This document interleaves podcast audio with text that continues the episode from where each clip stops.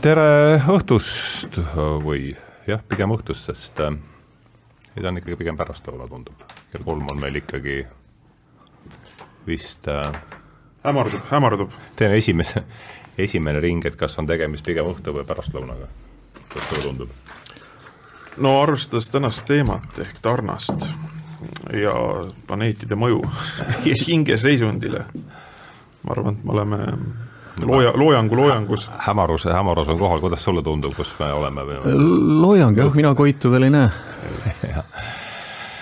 aga noh, mis parajasti siis on, kell on kolm siin meie Kuku raadio stuudios ja, ja see niikuinii on salvestatud, nii et, et see ajamäärus on siin ujuv.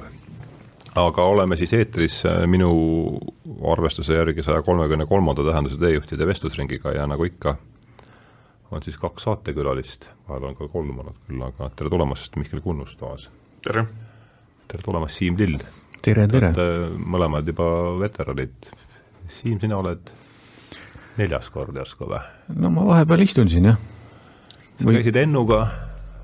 Paavoga, Mihkliga, Mihkliga, kas oli veel? Joonasega vist ka. Joonasega ka, jah. siis on viies kord juba. no siis on juba viies, jah. jah, ja Mihklit on juba lugemine läinud sassi aga, aga täna on meid siis kokku toonud jälle üks mõtleja ja, ja võib-olla ka tema, keskendume ühele konkreetsele raamatule.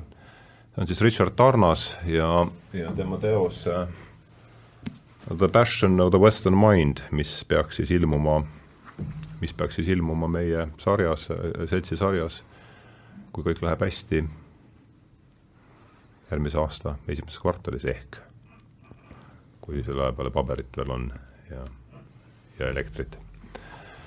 et äh, nii, et siis Richard Tarnas on see põhjus, kes meid äh,, kes meid äh, on täna siia laua taha toonud, et äh, ja siit ka esimene küsimus, et äh, kuidas teie temani jõudsite?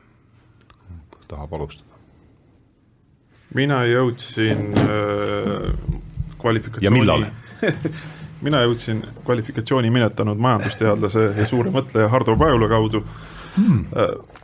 aga oled pannud huultele eh, selle iroonia viiuli, näen see selle, selles mõttes, et eh, ma, ma arvan jah, et esimese lingi saatsid sina mulle.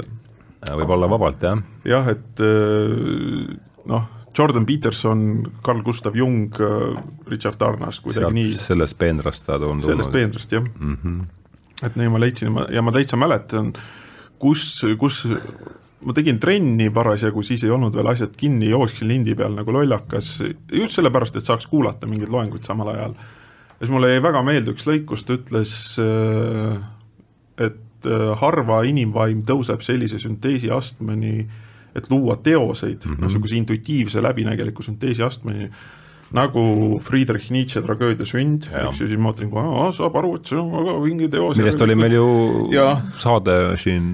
ja siis mind nagu üks asi, mis üllatas, et ta pani sinna ritta Moby Dicki. jah, ja sellest kasvas välja omakorda minu see Ameerika majandusmudeli kursus. jaa sest noh, Moby Dick on äh, eks selline teos nagu paljude klassikateostega, et sa oled selle kohta nii palju sekundaarallikatest kuulnud, et nagu ei teki huvi mm. -hmm.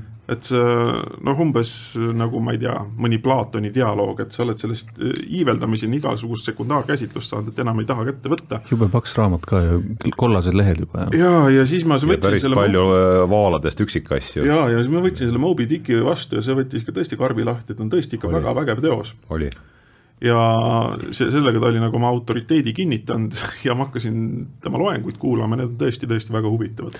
on ta pannud sind, mind, minu kvalifikatsioonile andis ta sellise laastava hoobi, et kuidas on mõjunud Richard Tarnas sinu kvalifikatsioonile?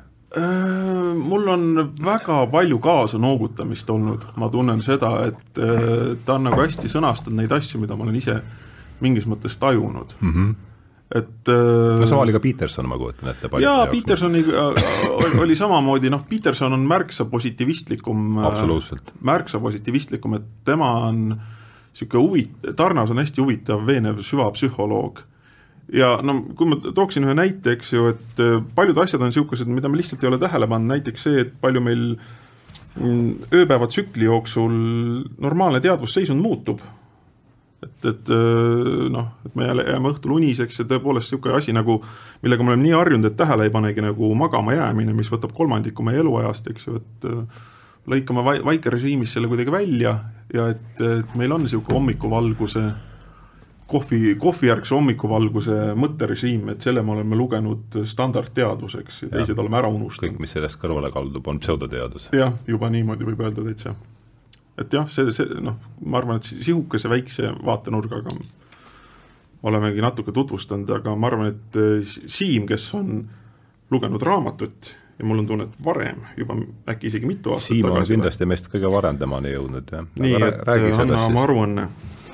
no minul ei ole nagu seda positsiooni kaotada, et ma olen tuntud esoteerik ja, ja religiooni uurijana ma jõudsingi tegelikult kõigepealt sellest samast Eranuse koolkonnast mm, -hmm. kus see religiooni seal ta on käinud ja... esinemas, eks ole või? kuidas? kas ta on Eranosel käinud vist? seda ma ei oska öelda, Hilman on aga loeng... ja Hilman on kindlasti käinud, jah. aga noh, just sellest varasemast, et kogu see Jungi, Jungi seltskond, kes ja, ja. siis üritasid seda niisugust traditsioonilist religioonitarkust tänapäeva maailmaga siduda ja, ja, ja sealt ma kuidagi jõudsin siis selle Esaleni instituudini, mis kuuekümnendatel loodi Michael Murphy Michael poolt. aa, nii et rida on niisugune siis äh, Eranos ja jah, no sellepärast, et niisugustes äh, mainekates Eranuse käsitlustes alati mainitakse, et Esalen on nagu selle jätk siis, et niisugune Ameerika mm -hmm. Eranus Aha. ja, ja, ja sealt see on huvitav jah, et ta, Esalen on Ameerika Eranus. noh, ja mingid osad inimesed kattusid ka, kes seal alguses käisid äh, äh, noh, ilmselgelt nad olid kõik Jungiga mingit pidi pundis ja Maslow ja, ja teised, kes seal hakkasid käima alguses mm. -hmm. ja, ja Grof ja noh, Stanislav Grofini me tõenäoliselt jõuame täna veel mm. -hmm kindlasti. ja siis kuidagi loogiliselt tuli sealt Tarnast sisse.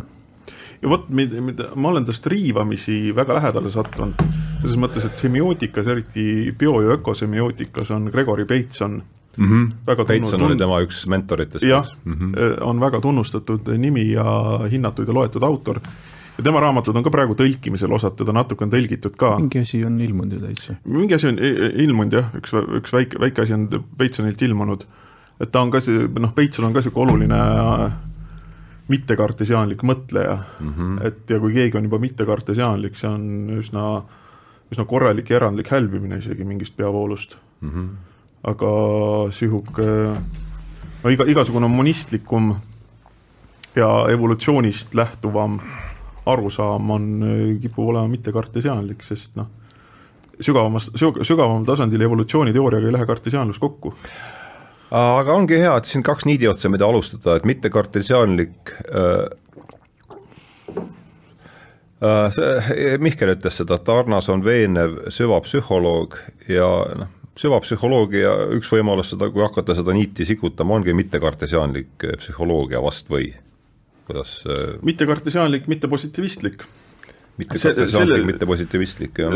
Selles mõttes jah, et ta ikka vaatab introspektiivselt ja fenomenoloogiliselt, eks, ja ta kasutab väga palju niisuguseid kunstilisi allikaid, allegoorilisi asju, noh, kõik, mis ei ole taandatav skaaladega varustatud mõõteaparatuurile mm -hmm., ühesõnaga, et seal on niisugune pidev äh, võitlus, mulle tundub ka, et, et kuidas nagu veel püsida, et siis ikkagi üritatakse need mõõsteristad ka kuidagi kõrvale tuua, aga, aga samal ajal on seal üks on kord peal, teine, teine all, et no vaadates Jungi näiteks või no ja no., ja see on, see on tegelikult noh, täiesti arusaadav probleem, et kusjuures üks asi, kus ma jäin mõtlema, eks ju äh,, Rudolf Steiner, antroposoofia isa ja et see maailm noh, ma olen ju Waldorf koolis käinud ja kusjuures, kui ma käisin seal, siis ma olin ikka päris, päris noh, õpetajana käisin, ma sattusin sinna juhuslikult ja ma olin täiesti positiivistlik, materialistlik,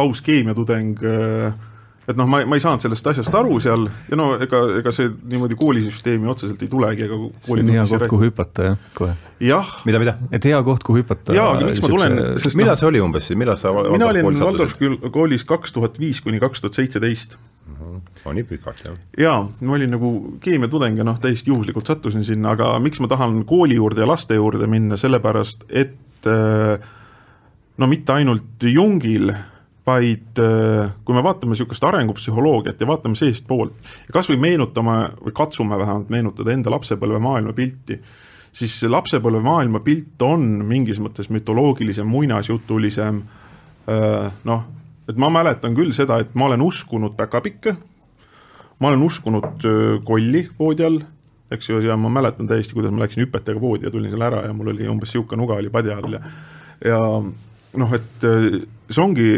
reaalselt on lapse maailmapilt, eks ju, mütoloogilisem mm. -hmm. ja animistlikum. animistlikum, mütoloogilisem, muinasjutulisem ja selles mõttes on ju ka, et, et, pedagoogika hõlmab neid elemente ja üritab äh, lastega rääkida laste maailma keeles, see on minu arust arusaadav. ideaalis.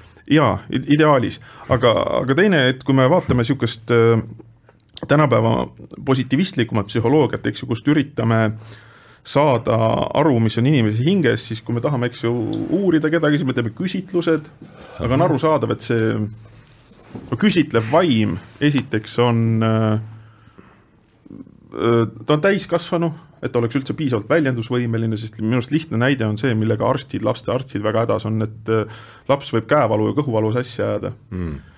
et mm. noh, no isegi sihukesed, eks ju, see, et noh, eneseväljendus ei ole mingi lihtne asi. Mm.. ja et me mingis mõttes, me peame ju olema empaatilised, me peame olema kujutlusvõimega ja me peame näiteks suutma minema oma lapsepõlve maailmasse tagasi, mis ei ole üldse lihtne minu arust ei ole lihtne, ma olen ena, enamik asju ära unustanud. töötab jälle analoogsignaali põhjal. jah, et see, see täiesti töötab ana, analoogsignaali põhjal, et kui me teeme IQ teste, eks, mis on mingid lihtsad küsimused, seal me saame teha statistikat, eks ju, ja nii, me saame suhteliselt, ma ei ütle, et tühise, vaid ainult väga spetsiifilisi teadmisi me saame sellisel psühhomeetrilisel teel teada mm. -hmm. ja, ja teda huvitavad äh, noh, mis, mis Tarnast veel eriti hästi iseloomustab, et seda huvitavad mittepsühhomeetrilised äh, psüühika väljendused kõige laiemas mõttes ja lä läbi evolutsiooni. Kas sa räägid nüüd psühhomeetrilistest äh, vaata, kui me räägime psühhomeetriast see on see, mis sa kõike, mis saab Excelisse taguda, kui jah, ühele või teisele eks ju, no meetria, eks ju, mõõdame ära, eks ju, noh, IQ punktid on ju väljendatavad arvuliselt. Aga niisugused meeleseisundid ja kujundid, mida noh, muusika ja kunst on püüdnud alati väljendada, et seda on ju raskem püüda, aga ometigi neid on eitada, noh, eitada pole neid ka mõtet kuule, aga hästi, võtame, kutsume Mihkli, võtame si Siimu.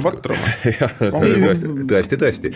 aga eh, Mihkel haara palun, eh, Siim, haara palun sellest kinni, et süvapsühholoogia on mitte kartesiaanlik ja mitte positiivistlik psühholoogia, oled sa sellega nõus? tahad sa midagi lisada, see on kulutav lähtekoht? nõustun Mihkliga, et miks nagu Tarnas on hästi köitev, on see just seesama, et, et tuua see selline, võib-olla siis selline inimisiku areng laiendada seda siis. inimpsüühika areng, eks ju, läbi kultuuri. laiendada üldse, üldse teadvuse kui sellise arenguni ja, ja see ju noh, mida Jung teeb samamoodi ja Jungi need järgi on Neumann ja, ja teised ja Kepser, kes on minu suur lemmik mm., mind on alati paelunud see, et, et kuidas nagu no ma ei tea, kui lugeda niisuguseid tavalisi ajalooõpikuid või midagi muud, siis on meil niisugune arusaam nagu inimene on kogu aeg olnud, okei okay,, noh, primitiivsed inimesed olid natukene äh, kehvemas seisus, aga see on niisugune nagu materiaalne areng, et meil tulevad mingid tehnoloogiad juurde, et me areneme, aga et kui sinna võtta see, et niisugune teaduse areng juurde,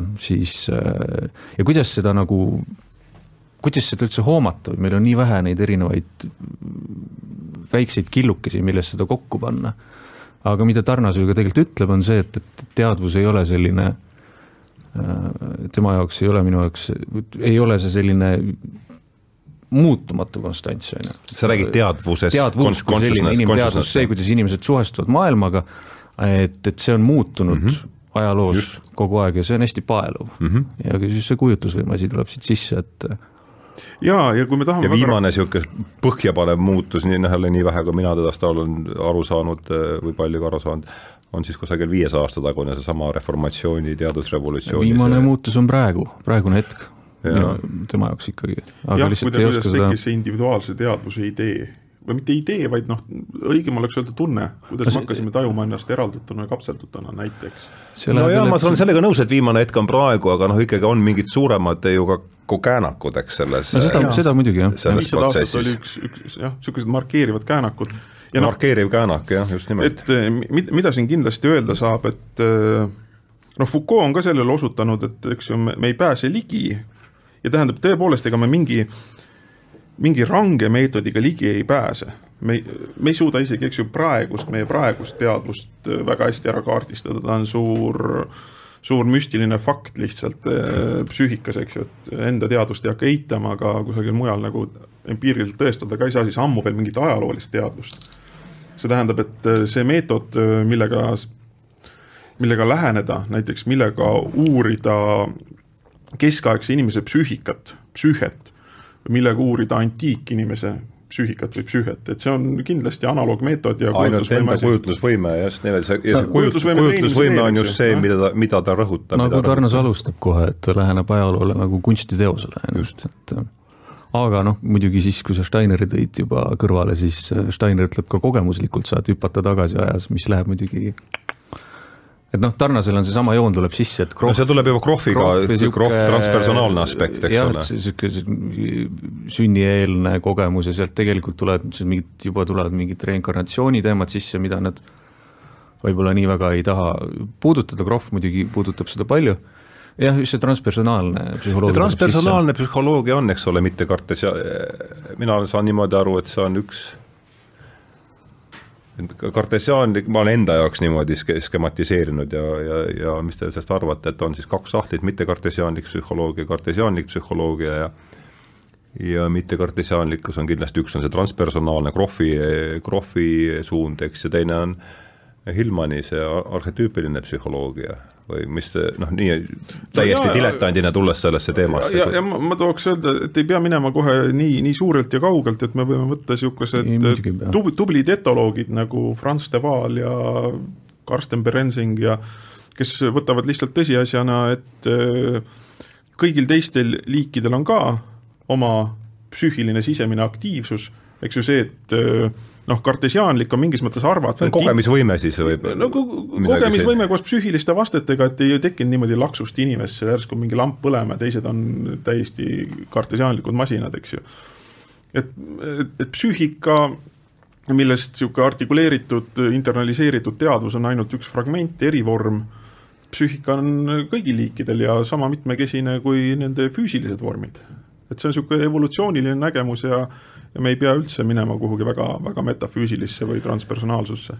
ja hästi, aga ei pea, aga ta tahab minna. ta tahab ja, ja paljud tahavad ka. aga võib-olla peaks selle raamatu alguses võib-olla kuidagi paari sõnaga kokku võtma, et me juba hakkasime arutama, mis see nagu tahad sa mitte? ma tahaks ei. enne siiski veel, teeme, teeme ühe veel vahele, et eh, see mitte ka, mida, mis see mida kujutab, me oleme, eh, me oleme pannud selle vaiamaasse praegu, et kartesiaanlik psühho-, siis läheme hüppame kohe raamatusse, et see kartesiaanlik, see on see, mille suunas, mille suhtes me praegu siin orienteerume, mis tuum siis kõigepealt, katsume selle ja siis läheme kohe raamatusse. Mihkel, sina oskad defineerida hästi. kartesiaanlus on äh, arusaam, see kindlasti ei ole enamasti teadvustatud, mis jagab äh, maailma kõige fundamentaalses mõttes kaheks, noh mm -hmm., sellepärast öeldaksegi kartesiaanlik dualism mm. -hmm. üks on niisugune aineline maailm mm -hmm. ja teine on äh, teadvus mm. -hmm. teadvusel ai-, aine on ruumis ulatuvusega, teadvusel ruumilist ulatuvust ei ole ja, ja noh, ma võin öelda, et nagu füüsika on kindlasti kartesiaanlik, eks ju, sest ta tõstab ennast maailmast välja, vaatab, kuidas igasugused sibiputinad, elektronid jumala, jumala positsioonid. ja siblivad seal ja vaadake noh, näiteks minu arust tüüpiline kartesiaanliku kujutelma sümptom on see, et kui öeldakse, et vaba tahe on näiteks illusioon. see tähendab, et kuskil on mingi ontoloogia, mis on mis aines see illusioon tehtud on, eks ju, see on see illusiooni aine. Luul. jah, et kuskil noh, see, see, millel on illusioon, mis on illusioon, miks meie tahtevabadus on illusioon, miks meie psüühika või kvaalid või mida iganes on kuidagi, eks ju, et siin on mingi radikaalne lõhestatus. Mm. -hmm. et kartesiaanluse aluseks on niisugune teatav radikaalne lõhestatus, mis annab sellele maailmast abstraheeritud vaatlejale vaikimisi oma substantsi ja illusioon on, saab ju eksisteerida ainult teadvuses, mida, mida ja. materialismis ei tohiks üldse olla, eks ja, on ja. see mm, standardvastuväide sellele, aga äh, ole hea, lisa sinna Mihklile värvi juurde. kartesiaanlik psühholoogia, kuidas sina sellest nõustun täitsa. või, või no, ma võin, ma võin viidata ka ühe, ühele Studia no. Philosophia Estika artiklile, äkki oli Anto Unt või kes kirjutas, et miks füsikalism on väär ja see ütleb, et äh, füüsikalismi järgi, eks ju, kõik asjad käivad füüsikaseaduste järgi, aga on, aga isegi füüsikalistid äh, kasutavad propositsiooni, mida nad sellele maailmale ei omista. ja see on nimelt eksimine, eksimisvõime. eks ju, kui keegi arvab midagi valesti, siis me arvame, et ta eksib ja see, et noh, eksimisvõime, et noh, sisuliselt elektronid ei saa eksida, eks ju, et, et kui ma, kui maailmas on olemas eksimine siis võtame selle nüüd uuesti, mina ju, ma tunnistan, et ma ei jõudnud järele, võta nüüd katsu see uuesti, võib-olla mul tähelepanu see on, see on üks art artikkel, mis on minu arust väga lihtsa argumendiga, et miks on füsikalism väär. füsikalism tähendab siis arusaama, et kogu maailm on läbinisti determineeritud füüsikaseadustest. Mm. -hmm. ja siis ta ütleb, et väär on ta sellepärast, et isegi füüsikalistid kasutavad niisugust äh, väidet, et keegi näiteks eksib ja see tähendab, et maailmas on olemas eksimine. ja see tähendab mm, -hmm. et füüsikaseadused, füüsikalised ained, mis asjad, konglomeraadid ei Just. saa eksida, järelikult on juba postuleeritud või vaikimis, jah, oli vist, ma võin eksida. Äh, et järelikult on olemas mingi reaalsus, substants, kus eksimine on võimalik ja see, sealt on see kaheksa jaotus juba sisse hiilinud, eks see Aga ongi kartesiaanlik alus. küsin sult kohe, et kas siis sellel maailmavaatel on üldse mingit äh, või noh, mis on need positiivsed jooned siis? millel? füüsikalismil või? jah. no see välja. juba edukalt annab äh, annab ehitada füüsilise asja ainega manipuleerida, eks ju mm, -hmm. kuna ta mm -hmm. metoodiliselt sõelub välja matemaatiliselt kirjeldatavaid korduvusahelaid reaalsusest ja see annab meile võime konstrueerida igasuguseid huvitavaid vidinaid. et just sellepärast on ta ääretult edukas. aga kui siin ühildada selle tarnase lähenemisega ma hüppan võib-olla natuke ajas ette, aga et kas, kas, kas see paralleelne alternatiivne versioon siis ka ühildub sellega? vot natuke jääb hämaraks midagi. või ma mõtlen, et noh, Tarnas ilmselgelt võitleb selle vastu, tahab tuua uut paradigmat mm -hmm. nii-öelda siis on ju, kuidas suhestuda maailma, et mm -hmm. mis koht siis on sellel või noh, minu jaoks on see küsimus, et et miks me peame nagu neid, või miks neid mustreid tundma õppida, milles me praegu ilmselgelt kuidagi alateadlikult elame võib-olla ja, ja et kui nüüd uued mustrid peaks peale tulema, kas, kas vanast jääb midagi alles või nad ühilduvad? ei, ei selles mõttes, et ma arvan, et ma arvan, et kindlasti jääb see vana alles, ega füüsika nüüd kokku ei kuku kuidagi selles mõttes, aga ta asju on ikkagi ehitada vaja. asju on ikka ehitada ja, ja, vaja okay. ja see on samamoodi ka Einsteini tulekuga ja Newtoni füüsika kuhugi ära ei kadunud ja vastupidi, et kui kiirused on alla kolmandiku valguse kiiruse, siis on Newtonlik füüsika jumalast vinks-vonks ja enamikus inseneritehnikas ongi see nii et no mulle tundub see, ma ei tea, kas see on vastus, aga äh, Siimu küsimusele, aga üks Sheldrake'iks kõnest nopitud üles üks lausejupp, et no sisuliselt me räägime siin ikkagi mingis vormis, äh, see elevandi peab ära nimetama, räägime mingi religiooni äh, tagasitulekust või mingi mm -hmm. ots-, mingi religiooni otsingust, et see uus religioon, see peab olema teadusjärgne ja, ja võtma arvesse kõikide teiste kultuuritraditsioonide noh.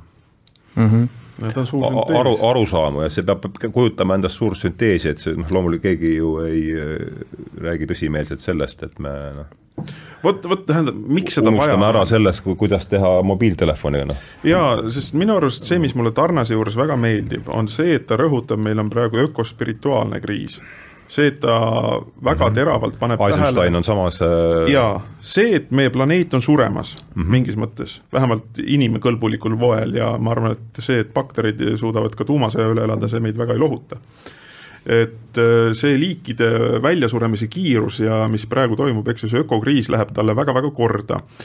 ja tal on üks väga, väga hea loeng, mida ma soovitan võib-olla alustuseks, on see The Great Initiation mm, -hmm. suur initsiatsioon ja seal alguses ta tsiteerib äh,, nagu ta ütleb seal kelmikalt, New Yorgi juudi filosoofi Woody Allenit see on üks väga naljakas tsitaat, ma kuulasin ja siis tõlkisin kohe kiirelt äh, niimoodi jooksvalt, et äh, rohkem kui ja. iial ajaloos, võib öelda, äh, rohkem kui iial ajaloos seisab inimkond ristteel, mis, kus tuleb valida kahe tee vahel. üks tee viib täielikku meeleheitesse ja lootusesse teine kohesesse hävingusse. teine väljasuremisse ah,. kohe kohesesse välja. palume, et meil oleks tarkust õigesti valida. meeleheitesse, millesse, meeleheitesse ja. seal on uh, despair and hopelessness. Hopelessness jah. teine on kohene häving. lootusetus teine on väljasuremine. minu arust oli see veel ka niimoodi, kas see on olemas, see eesti keeles see kõne või see, see on, see on tema sellest, see on minu kõne, my speech, my speech to graduate, see on olemas eestikeelses selles siniste kaantega Woody Allen'i mm. mingi kogumik. aa, väga äge, et sealt sealt, sealt võib vaadata, aa, mul on olemas see kogumik, väga hea. seal on see, see my, my speech to the graduates on selle nimi, aga jah, ja noh, et, et kui meil on valik, eks ju, kas äh, meeleheide ja lootusetus või kohene väljasuremine, eks ja olgu meil tarkust nende vahel valida, siis noh, mingis mõttes Tarnas üritabki sealt leida mingi sünteesi välja või noh, äh, kui, tähendab, kuidas hakkama saada sellises olukorras, minemata hulluks, hakata nõidu põletama või lihtsalt märatsema mm. -hmm sest äh, minu arust see, mida Jordan Peterson on väga olulise punktina minu arust välja toonud, et see, kui inimesel noh, see religioosne instinkt või nagu Jonathan Haidt ka noogutab kaasa, et see jumalakujuline tühimik on olemas, et äh, kui kui see religioossus ei ole täidetud, et siis äh, igasugused ime, imelikke vorme. ta võtab imelikke vorme, eks ju, religiooni omadused antakse mingitele poliitilistele liikumistele, ühiskondlikule liikumistele no,. see on seesama John Gray Musta missa avalause, mis mind üldse tõmbas sellesse mõttevoolu üldse, ma arvan, et enne, kui ma lugesin Gray Musta missat, olin ma no täiesti läbi ja lõhki kommnoor, mul ei olnud tõesti, ma just eelmises saates ta rõhutas, et ei olnud kahtlus ka selles, et äh, valitud kurss on õige, et, äh, et, et kaasaegne poliitika on peatükk religiooni ajaloos. ja, ja, ja tähendab noh, näiteks see, mis, mis minu arust tänapäeval toimub kogu aeg, et ma ei mäleta, kes ütles, kas Eisenstein, et praegune koroonapandeemia on ühtlasi usu mis asi, et Vaana. paljude muude kõrval on ta, asjade kõrval on ta ka usuhullus, aga, aga usuhullus. lähme anname, et see asi jälle jääks siin ühte nurka liigselt, et sa tahtsid rääkida ei, ma mõtlesin, et võib-olla kui me hak-, me hakkasime kohe pihta arutama. no aga, aga mis, mis teine võimalus oli? ei, et, et ju noh, e-, eeldatavasti me oleme tähendab, see on see olukord, miks teda vaja on, miks ta otsib uut sünteesi. Et, et, et kui me hakkame rääkima raamatust, et võib-olla siis peaks nagu paari sõnaga mainima, et mis see no me hakkasime peale käesoleval juhul autorist, aga, aga ja, võta, ja, ja, võtame küll, raamatu, võtame raamatu, miks mitte? ei no aga me jah, tegelikult need teemad on võetud, aga, aga et, see raamat on, on ja raamat siis äh... ikkagi küllaltki unikaalne. näitame raamatut. raamat, arvestades kaasaega, kus selliseid suuri narratiive väga ei, ei äh, soosita, kus ta siis hakkab pihta on ju Kreeka mõtlemisest, jõuab tänapäeva välja, ehk siis niisugune linnulennult lääne mõtteloo äh, kujunemine. ja ülihästi kirjutatud. aga, aga mitte niisugune traditsiooniline, et teda, kui ta ilmus, siis võrreldi ka, ma ei tea, selle Russelli filosoofia ajalooga või ja muudega, aga ta ei ole, ta ei ole niisugune kompendium mõtteid, vaid see on niisugune, ta läheneb ikkagi sellisesse heegelliku ja, ja no ta on psühholoogiline, mitte kuidagi loogiline, eks ju, näiteks kui me võtame Bertrand Russelli, siis äh, nagu äh, filosoofiliselt temperamendilt on nagu täiesti teisest, täiesti teisest. selle kohta on meil ju kanalil klipp ka, et eh, miks ma selle raamatu, miks ma kirjutasin selle raamatu, kus ta toob just Russelli, eh, Russelli sisse, et noh, Russell vaatab ka selliselt noh, külma kohtuniku selliselt positsioonilt kogu seda lääne mõtteajalugu ka nagu ja, ja, ja, ja, ja vaatab noh, nagu tänapäeval on kombeks, eks ju, vaadatakse, et keskajal olid sellised teadmised, antiikajal olid sellised teadmised, eks ju mm, -hmm. nad mhm. arvavad, et mingi psüühiline teadvus, mis opereerib sellega, on suhteliselt konstantne. see, mis ajaloos on muutunud, on teadmised mm. -hmm. aga ei, see, mida Tarnas räägib, eks ju, on see täiesti niisugune psüühiline maailmataju enesekohtu universumis, kuidas seda tajutakse, näiteks sellepärast ta rõhutab, kui oluline ja kui pöörane hüpe oli koperniklik revolutsioon. No, et inimene suutis mõistuse abil nagu nii palju kogemusest irduda ja, ja noh, kui, ja siis ta arutleb selle üle, kuidas üldse selline teadushüpe võimalikuks sai mm, -hmm. kuidas see välja kujunes, et millised vastavad tingimused, eks ju, ta on niisugune psüühikakeskne. just nimelt ja sa mitu korda on rõhutanud seda Galileo kirja, et või mingi päeviku, kiri või päevikukate, mis on, et, et küsimus ei ole mitte selles, et miks nii vähed inimesed heliotsentralisse süsteemi usuvad, vaid kuidas keegi sellesse üldse usub, sest see on ju nii vastuolus, eks ole, selle igapäevase, iga, igapäevase kogemusega, et ähm, aga aga ta tõmbab nagu niisuguse ringjoone või et või minu jaoks, ta postuleeris ju selle, et me hakkame Kreeka mõtlemisest pihta, on ju, me kuidagi jõudsime sellisesse kriisi ja nüüd me oleme sellel hetkel, kus me peaksime nagu tagasi jõudma või mingi sünteesini jälle jõudma mm. -hmm. no spiraal selles mõttes. no spiraal jah, selle jah, jah, spiraal jah. kas sina tajud temas ka sellist nagu Kreeka juurde, juurde tagasipöördumise nagu ähm... tead, see on niisugune ähm, no ilmselgelt on ta ilma, ilmanist hästi palju mõjutatud ja, ja, ja sealt tulevad need arhetüübid ja, ja jumalad sisse, aga äh, mulle tundub, et ta ikkagi, okei okay,, ma rääkisin just paari klassikalise filosoofiga, kes olid väga õnnetud, et, et inimesed, kes tegelikult kreeka keelt väga kehvasti oskavad, arutavad kreeka mõtlemise ja filosoofia üle, aga mm. aga, aga mulle ikkagi tundub, et ta nagu tegelikult ja Hillmanil on ka, et seal on neid kriitikakohti või et nad ei see arusaam, kui ta hakkab pihta eelsokraatikutest ja, ja Homerosest, et, et kui vaadata nüüd äh, mingeid teistsuguseid lähenemisi sellele, et nad ei, päris hästi ikkagi seda algust ei mõista. või et panna Parmeniides näiteks kõige aluseks, loogika aluseks, et mm -hmm.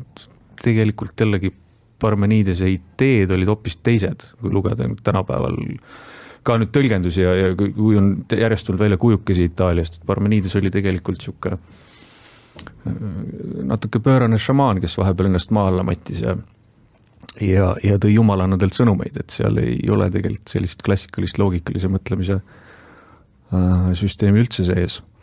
aga jah, noh üldiselt see hakkab Kreekast ikkagi pihta, ma arvan küll, et see idee on ikkagi nagu, nagu Eranosel ja Jungilgi oli, et et tuua selline äh, mingi kreekalik noh, lääne mõttes siis või läände sihuke kreekalik mõtlemine tagasi, arusaam maailmast, aga, aga sihukese modernse äh, puudutusega võib-olla. ehk see on siis ikkagi, triiv toimub monoteismist polüteismi suunas ju, eks ole, kui, kui see on üks võimalus seda asja sõnastada või?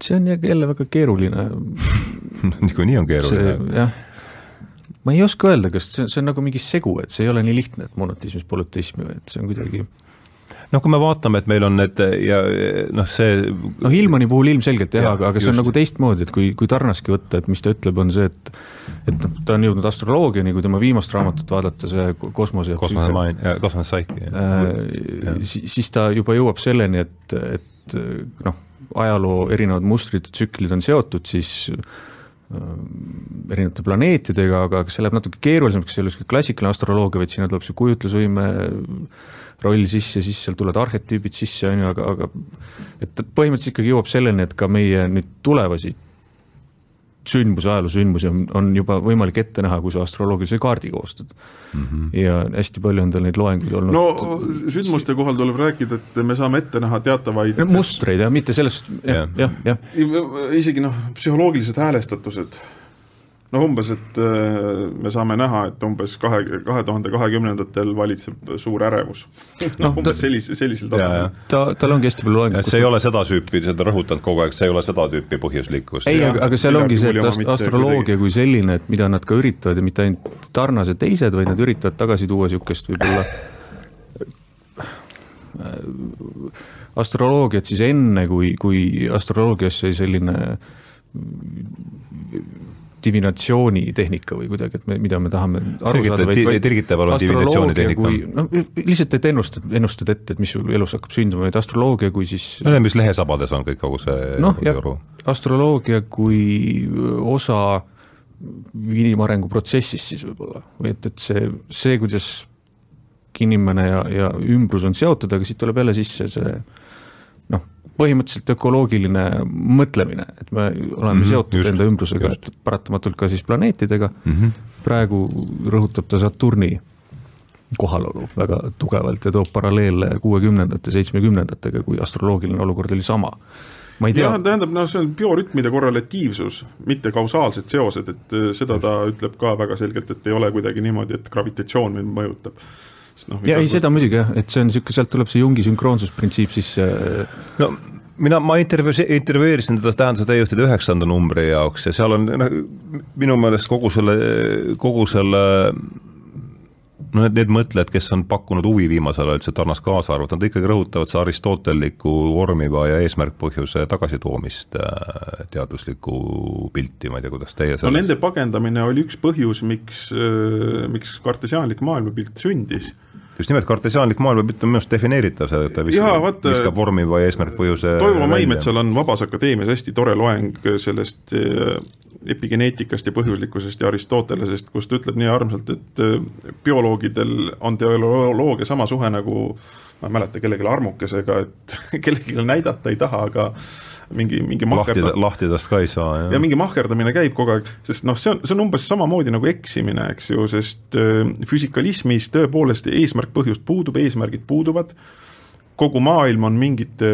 põhjusseos tagajärgede äh, pundar, kusjuures kõik jõud on põhjuslikult tõukavad mm, -hmm. kõik on põhjuslikult tõukejõud ja, ja, ja mm -hmm. ja kui meil on mingi, kui meil on tunne, et mingi eesmärk, näiteks et mul oli tunne mingi eesmärk siia saatesse tulla, siis see on noh, kõige laiemas mõttes illusioon.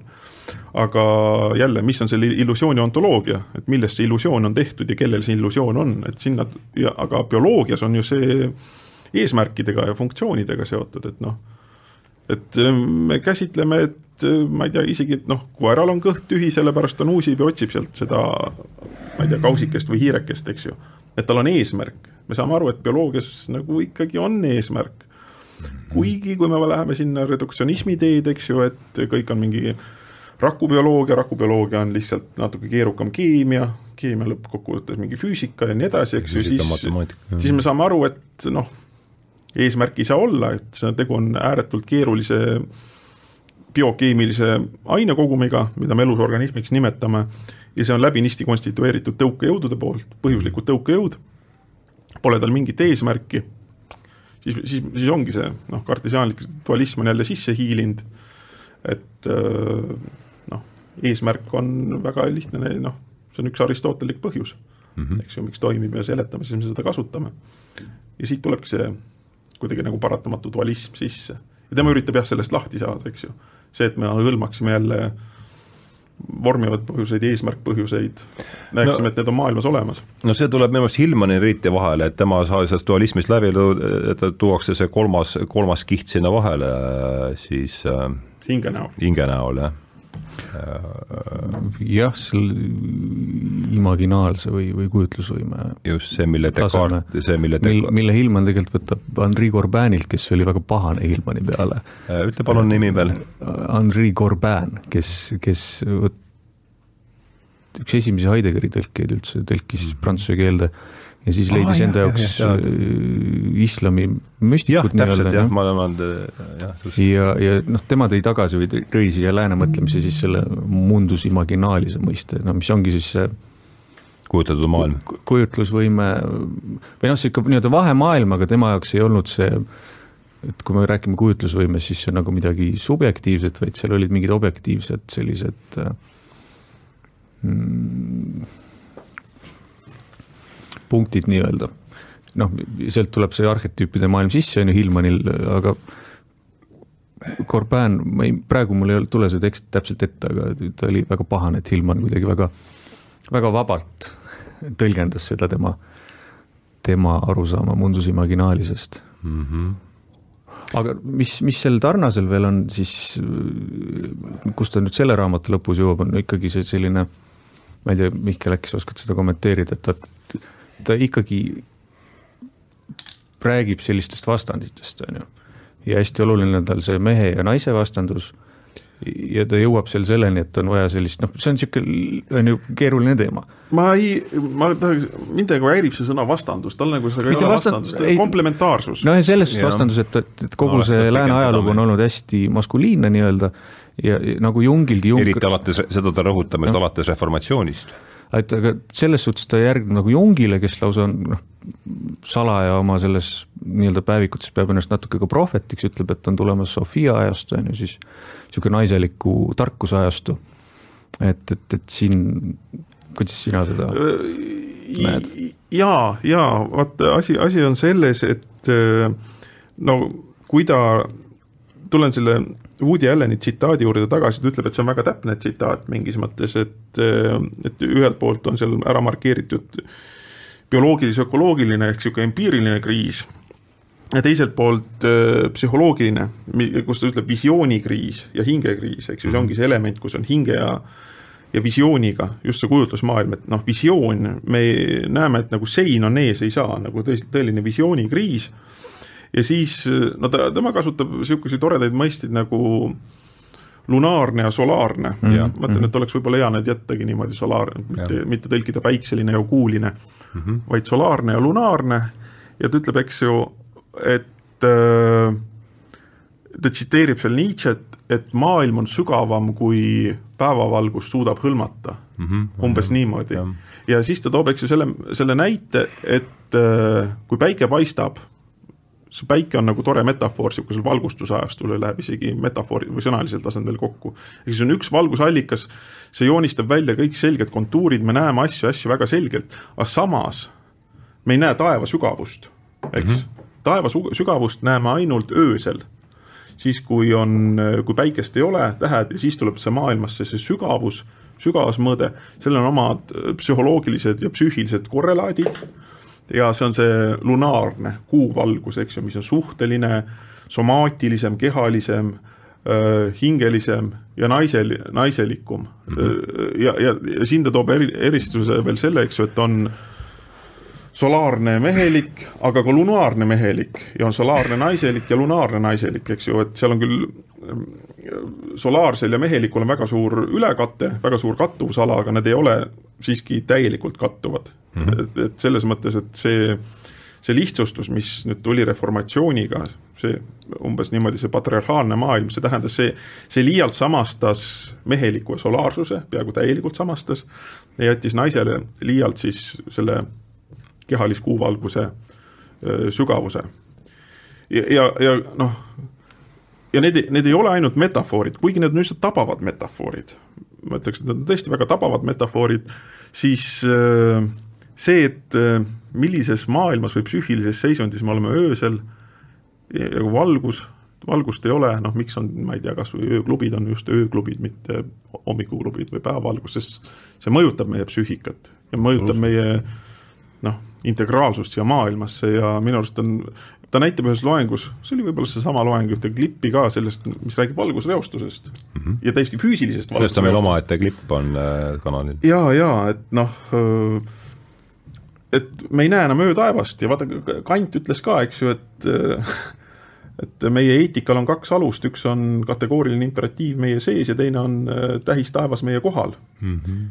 iroonilisel kombel valgustus, elekter just elekter on selle tähistaeva meie kohalt ära kaotanud ja midagi väga olulist on kaotsi läinud sellega. Õnneks see tuleb nüüd tagasi, kui elekter? Jaa, kusjuures ma ise ka mõtlesin samamoodi, et kui hakkab tagasi tulema, et kui elektrikriis on. pööre võib tulla sellega, et tulevad suured elektrikatkestused ja aga see võib olla täitsa niisugune jah, inimesed näevad jälle täis taevast. kui sul ei ole, lihtsalt ongi, ühel hetkel sa näed seda taevast. jaa, praegusel sügisel ajal satud näiteks no, meil ei ole, meil ei ole nagu midagi Eestis, aga absoluutselt. ja sa, sa tsiteerisid siin äh, Woody Allenit, äh, eks, aga mul tuli kohe seda meelde, äh, Roger Scrutoni tsitaat on natuke samast nurgast, eks ta peab ka Ühendriiki, ütleb Ühendriikide üliõpilastele, et te olete võtnud rohkem laene, kui te iial suudate tagasi maksta, aga et äh, kui me nüüd siit sellest punktist paar sammu edasi vaatame, et te olete võtnud rohkem laenu, kui te iial suudate tagasi maksta, aga ärge muretsege, et majandus kukub kokku ja teil läheb hästi. jah, sest no, sest äh, eelmine nädal, see oli siis, oota praegu, praegu on oktoober kaks tuhat kakskümmend üks, ma kujutan ette, et see võis olla äh, mingi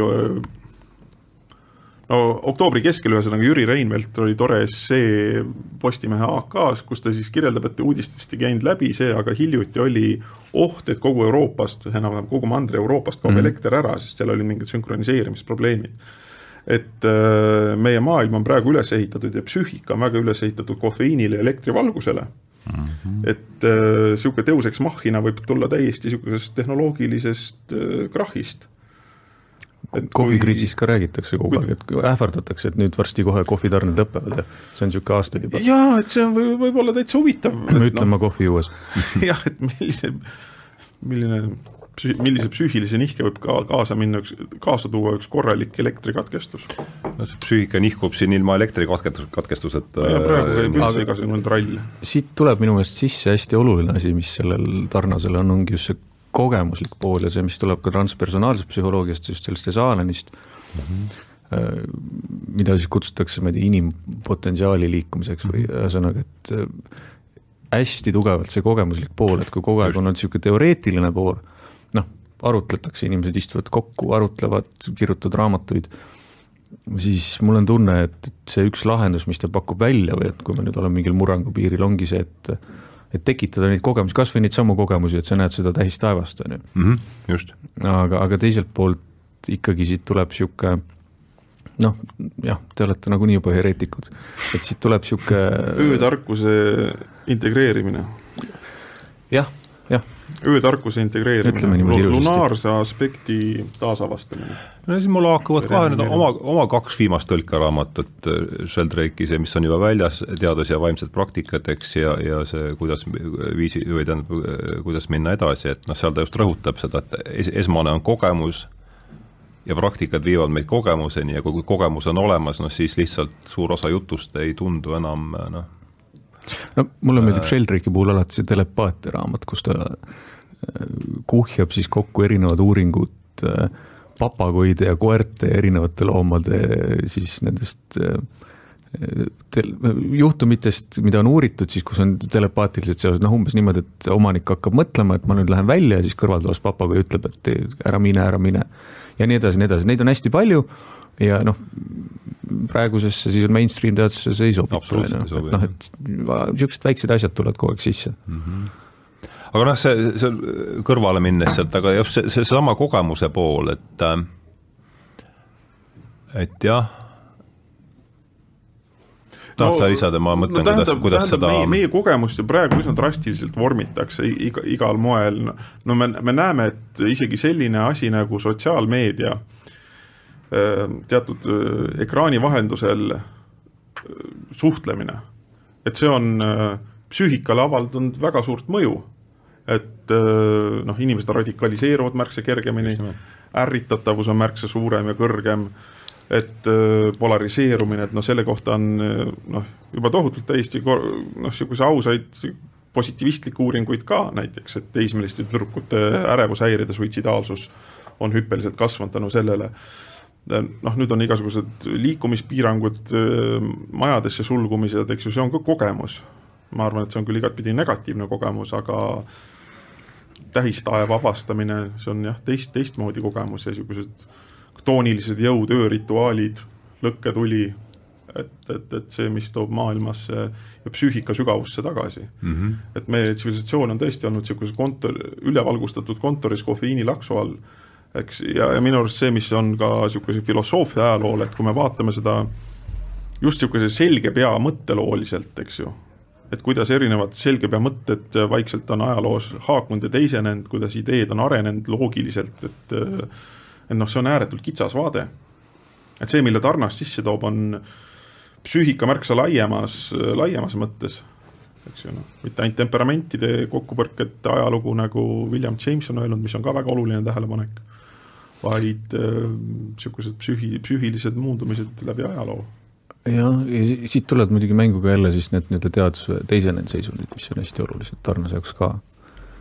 jah, jah, ja vaata, asi on selles, et see, mida me loeme nagu normatiivselt või vaikimisi, eelkõige vaikimisi tead-, teadvuseks mm, -hmm et noh, praegu on selles, sellest saanud äh, just niisugune ülevalgustatud äh, kofeiinilaksu all kontoriteadvus. ehk siis kartesiaanlik äh, psühholoogia. jaa, mingis mõttes on see väga kartesia-, kartesiaanlik ja mulle tuleb meelde, et näiteks Toomas Paul meenutab, et mis on ära kadunud selle elektri tulekuga, mis eestlastel oli väga kombeks, oli videviku pidamine mm. -hmm. et kui oli noh, videvik, meile tundub see sõna juba arhailine, eks ju, et oli Uudne nagu sõna et oli midagi, oli hämarat, eks ju, nagu tööd õigesti teha ei saanud, siis inimesed olid karjas koos, sotsialiseerusid, kõhvitsesid üksteist võib-olla kõrva tagant ja, ja jutustasid lugusid.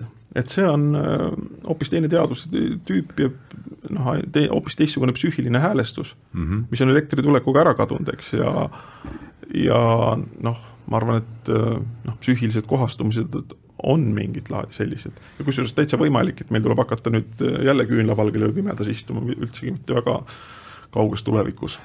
aga kui elektrivõrk vastu ei pea. minul videovikuga tulevad kohe pähe meigikud, meigitud noormehed ja need libahundid, et aa, vot jah, see mulle see, see, see tule, kui, kui tänapäeva noorel ütleb, öelda videovik, siis ja, ja videovik. aa, see, see sari, ja, ja ma ei ole, ma ei ole näinud seda küll, aga aga me siin vestluse alguses, ma ei tea, kas mikrofoni mahtus see jutt või mitte, aga et tõenäoliselt me ei pääse siin Stan Groffist mööda, äh, kellega ta ju töötas pikalt, eks, koos ja ja, ja see kogemuse aspekt, et tahad sa, sa oled meist tõenäoliselt seda, selle, selle valdkonnaga võib-olla kõige rohkem kursis. Ma ei tea, kas ma nüüd kõige rohkem, õnneks on no me... Krohvi nii palju tõlgitud eesti keelde seal transpersonaalse psühholoogia sarjas, aga Krohv ju ka alustas, alustas sellega, et ta uuris äh, siis nii-öelda teaduslikus keskkonnas erinevate psühhedeelikumide mõju äh, inimestele. Äh, nüüd see vist tuleb jälle väikselt tagasi, ma vaatan, et tuleb jaa, isegi Postimehes oli siis suur ülevaade, et seda psühhedeelikumide uuritakse, poleks homset, Raul Maran tegi ülevaate. nüüd jälle saab, vahepeal ei saanud, kui need igast Charles Mansonid ja teised tulid noh, nagu ikka alati, paar hullu tuleb sisse ja siis on võimalus uksed lukku keerata. aga, aga Krohvil oli ka see, et kuna tal endal oli neid kogemusi nii palju, kui lugeda tema niisugust mälestuste raamatut, Kui juhtub ilm võimatu, minu meelest on selle nimi mm. -hmm. alates mingite see on eesti keeles olemas ka? see on eesti keeles, minu arust Tanel Mälla on selle tõlkinud mm. -hmm. Yeah. et, et läbi nende kogemuste ja, ja ühtepidi just samas selles ka selle Saaleni instituudis äh, istumist, noh põhimõtteliselt, mis see Saalenis oli, oligi see, et jälle taaskord äh, nagu Eranoseski kutsuti kokku siis üle maailma noh, alates mingitest joogidest, lõpetades Skinneriga äh, või Boris Jeltsiniga, kes käis seal kunagi mingit kõnet pidamas või oli, oli, oli Jeltsin või oli Korb-, kurat, kes, kumb ta nüüd oli? üks nendest käis Eranosel või? ja, ja ta, sellest on mingid, ma kohe vaatan. See on küll huvitav töö. no ma, siis kui no, see tuleb nagu Rodmani ja Kimmi, mis ta kurat ühesõnaga, et, et, et luua selline luua selline, või oli Gorbatšov, ma ei mäleta, luua selline või keskkond, kus, kus siis hästi palju erinevaid hääli, hääli saaks, saaks sõna ja siis Krohv, Krohvi puhul on ka seda arengut järjest näha, et hakkab pihta nendest teaduse teisenenud seisunditest, siis ta jõuab juba oma mingi selle äh, mida Tarnas siin raamatus ka mainib, selle äh, nii-öelda siis äh, eel- või sünnieelse trauma teooriani ja sealt veel isegi edasi, et noh, on need erinevad äh, massaaži ja, ja, ja niisugused nii-öelda vaimsed praktikad, millega sa siis suudad nagu siis inimesed tagasi sinna viia, see on päris õudne vaadata, ma olen neid õppevideoid vaadanud, kus inimesed lähevad tagasi, elavad neid kogemusi, siis noh, ju nad siis elavad, see on kuskil peaks olema kehamälus olemas, on ju, nutavad ja karjuvad. ja, ja nii edasi. ma ei tea, kus ma nüüd selle, Krohvi tutvustus oli see jah. no sellest samast raamatust on meelde jäänud lause, kus ta ütleb, et Esalenis prooviti igasugu, nagu te võite arvata, proovi, prooviti igasuguseid teraapiatehnikaid, aga mitte ükski ei olnud Krohviga, Krohvi sellele, see on konkreetne lause, mis mm. mul siit raamatust, ma ei tea, kas sul on see lause meeles? ei ole, praegu ei tule ette, et mitte ükski ei olnud mitte ükski ei saanud ligilähedale, mida, mida okay. Krohv, mida Krohv tegi. aga psühhedeelikumidega nojah, üks asi on see psühhedeelikumide hullus, aga, aga nüüd nad on ela-, seal Esalenis ka jõudnud selleni, et nad siis täitsa noh, üritavad siis luua alternatiive sellisele võib-olla positivistlikule teaduse teooriatelt hästi, järjest tuleb niisuguseid pakse monograafiaid. Hmm.. millest siis? Teaduse erinevatest seisunditest ja sellest siis, kuidas seda ka teaduslikult uurida või et, et mitte ainult see, et sul on mingi need kogemused, vaid jälle see teaduse ja religiooni ja kuidagi süstematiseerida, minu arust üks, üks, üks hästi, hästi huvitav ja ja nagu igale inimesele ligipääsetav raamat on Bessel van der Kolki ja Keha peab arvet. Et ta on nagu hästi palju, põhjalikult ja ta on hästi põhjalikult traumapsühholoog ja kus ta jõuab ka nendeni välja, eks paljud niisugused empiirilised uuringud, noh näiteks väga korralikult said psühhotraumas inimesed äh, Ameerikas, äh, kui kaksiktornid kukkusid kokku seal mm., kes olid seal lähedal, kes olid majas, eks ju, kes sealt välja jooksid. ühesõnaga sa, sa, saadi suurepärane representatiivne valim, eks ju mm., traumeeritud inimesi ja siis noh, et, et mis neile aitas seal kõige paremini ja kõige paremini, kui ma ei, ei, ei, ei eksi, minu arust kõige paremini aitas äh, massaaž ja psühhofarmakonid oli noh, niisugused antidepressandid ja sellised tabletid olid neljandal kohal alles. et paljud mhm. kehalised praktikad ja kusjuures jooga ja sellised ja ja, ja, ja miks need mõjuvad, et niisugused, sest Pesselvander Kolk jumala ägedalt toob välja selle, et et ka need igasugused joogapraktikad, kehapraktikad, mida näiteks idas välja arendati, et kuulge, kuulge, vaadake, et miks nad olid, nad ei teinud seda mõnu pärast või luksuse pärast. et kui me kujutame ennast ette nendesse elutingimustesse, kus nemad elasid, eks ju, see on nagu kirjeldamatult kohutav meile. umbes see on, see on meie, meie mõistes umbes kirjeldamatult kohutav ja need olidki äh, kehapraktikad psüühiliseks kohanemiseks oludes, mis meie heaolu täissöönud, riietatud, sossutatud inimesele on nagu täiesti väljakannatamatud. ja ometigi, eks ju, inimene on elanud väga-väga pikalt, nii kaua. ja, ja nende taasavastamine ja, ja noh, muidugi huvitava kõrvalepõikena võib tuua seda ka, et oli tuttav Jaak Panksepaga, keda ka Jordan mm -hmm. Peterson väga kõrgesti hindab, eks ju, ja et kuidas Jaak Panksepp rääkis, et noh, kui meil Eestis oli siin murrang, eks ju et noh, koos laulmine on tõepoolest mingis mõttes väga tõhus asi no. ja, ja noh, tema seob selle, noh, näitab ka primatoloogilised seosed, noh näiteks kuidas meie lähisugulased käituvad, šimpansid või ahvid, et kui keegi kukub puu otsast alla, miks nad tulevad juurde, hakkavad kõhvitsema umbes ja et, et kui hästi see mõjub äh, äh stressihormoonidele veres umbes ja, niimoodi ja noh, inimesel toimivad samad mehhanismid. et äh, Besselvander Kolki, kuna tema on niisugune ütleme hästi avatud, aga klaari pilguga, et ta ei lähe kuhugi väga müstikasse, esoteerikasse ega religioonide mängumaale väga uljalt, et selles mõttes no mõistlik, mõist, mõistlik on seda piiri hoida jah, või noh, selles, kui sa tahad olema. kui sa tahad jah, selles mis sul see, jah. see, see, aa, vot minu arust üks asi, mis on vaja oluline välja tuua, mis on nagu hästi suur pluss matemaatilisel keelel, millel füüsika briljantselt välja arendas ja sellel hommikuvalguse kontoripsüühikal on minu arust see, et see on kõige kommunikatiivsem, seda saab kõige ühesemalt jagada. eks ju, see on niisugune kogemus või noh, näiteks katse, mida saab teine inimene repre-, reprodutseerida, repli-, replitseerida, et noh, matemaatika on üks kõige ühesemalt mõistetavamaid märgisüsteeme. eks ju, sellest saab väljendada suhteliselt piiratud asju, aga selles mõttes seal on tohutu kommunikatiivne pluss mm. -hmm. et selle selguse maailmal ja selle sõnalisel maailmal mm. -hmm. et mõne, mõnda, mõndade asjadega on ju tõesti niimoodi, et kui ise, ise kogenud ei ole, siis punkt ja vot, ole vait, eks ju, mis sa siin ikka targutad mm. -hmm.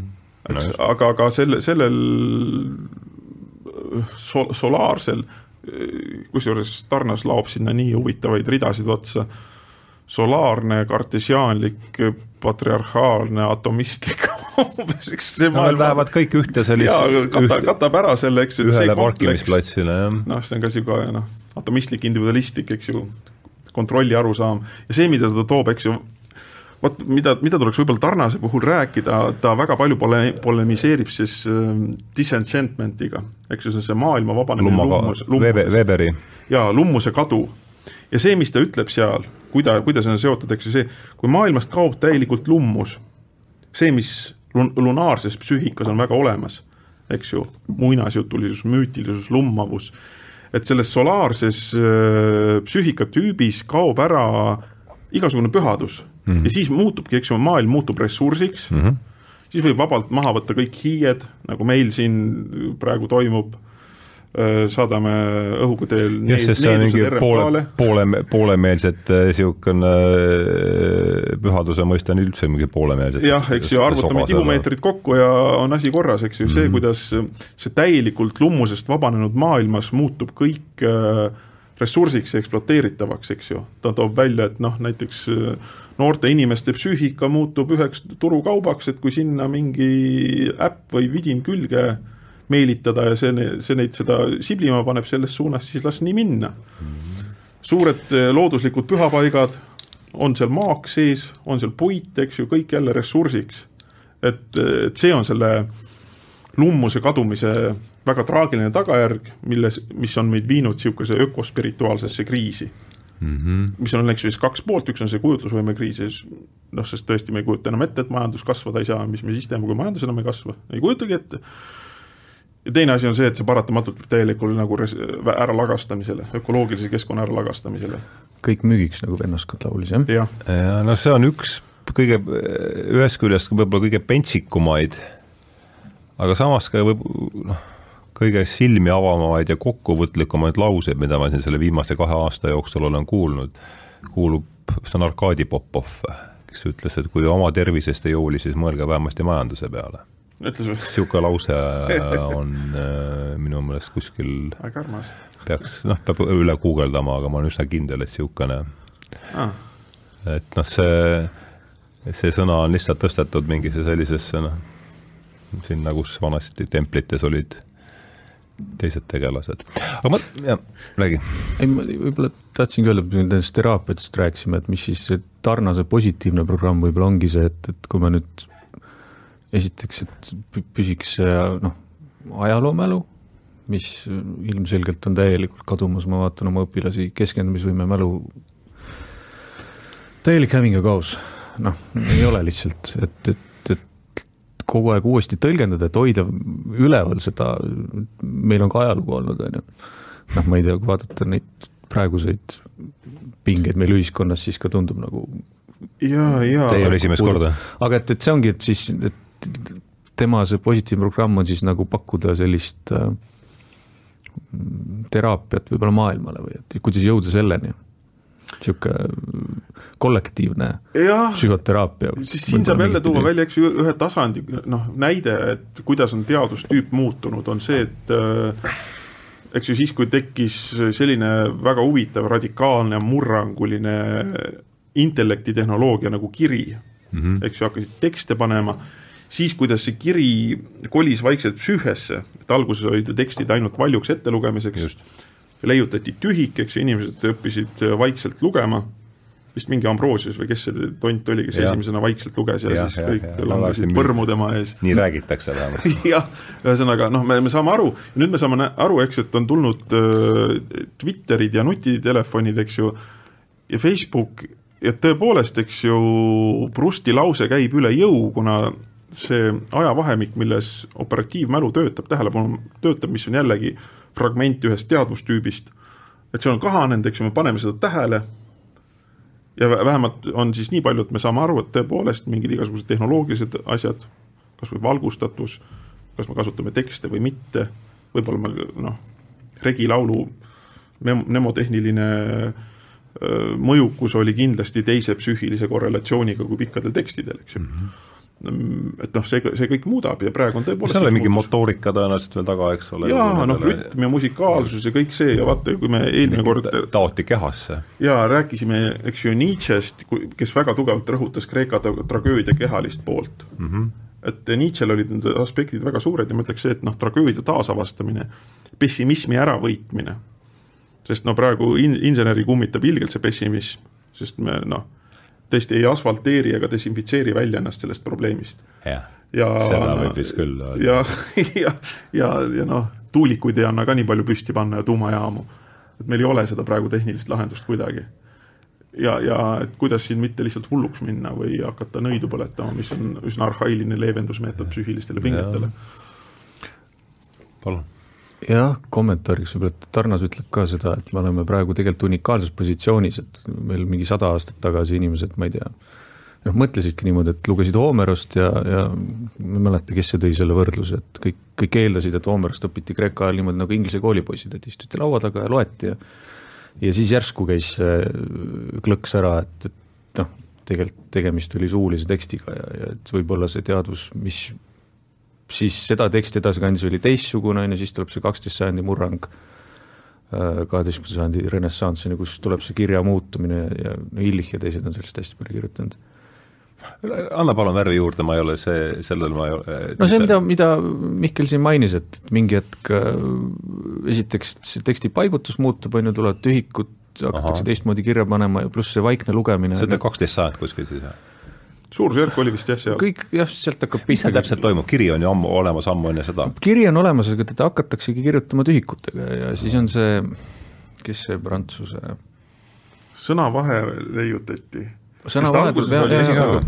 alguses oli, noh, kui alguses, kui kirja tehti, ega keegi ei kirjutanud romaani. kaksteist, no muidugi see oli ju kon, tihe konspekt. see oli tihe konspekt kaksteist sajand, sa ütled sõnavahe. loengute pidamiseks. oli nii või? no kaksteist sajand, seda kutsutakse kaheteistkümnenda sajandi renessansiks, et see on see kõige niisugune eks ju, kui, kui päris alguses need igasugused Sumeri plaadikesed, et siis olid lihtsalt noh, väga palju oli igasuguseid äh, majanduslike võlgade üle tähe, tähestamisi, eks ju, ja tabeleid ja niisuguseid asju, mis ei olegi nagu tekst selles mõttes. aga see on ka teistmoodi, et see ei ole tähestikus. jaa, jaa, et noh, seal praegu... oli niisugune aus arvepidamine, millega tõenäoliselt mingit väga suurt psüühilist muutust ei tulnud.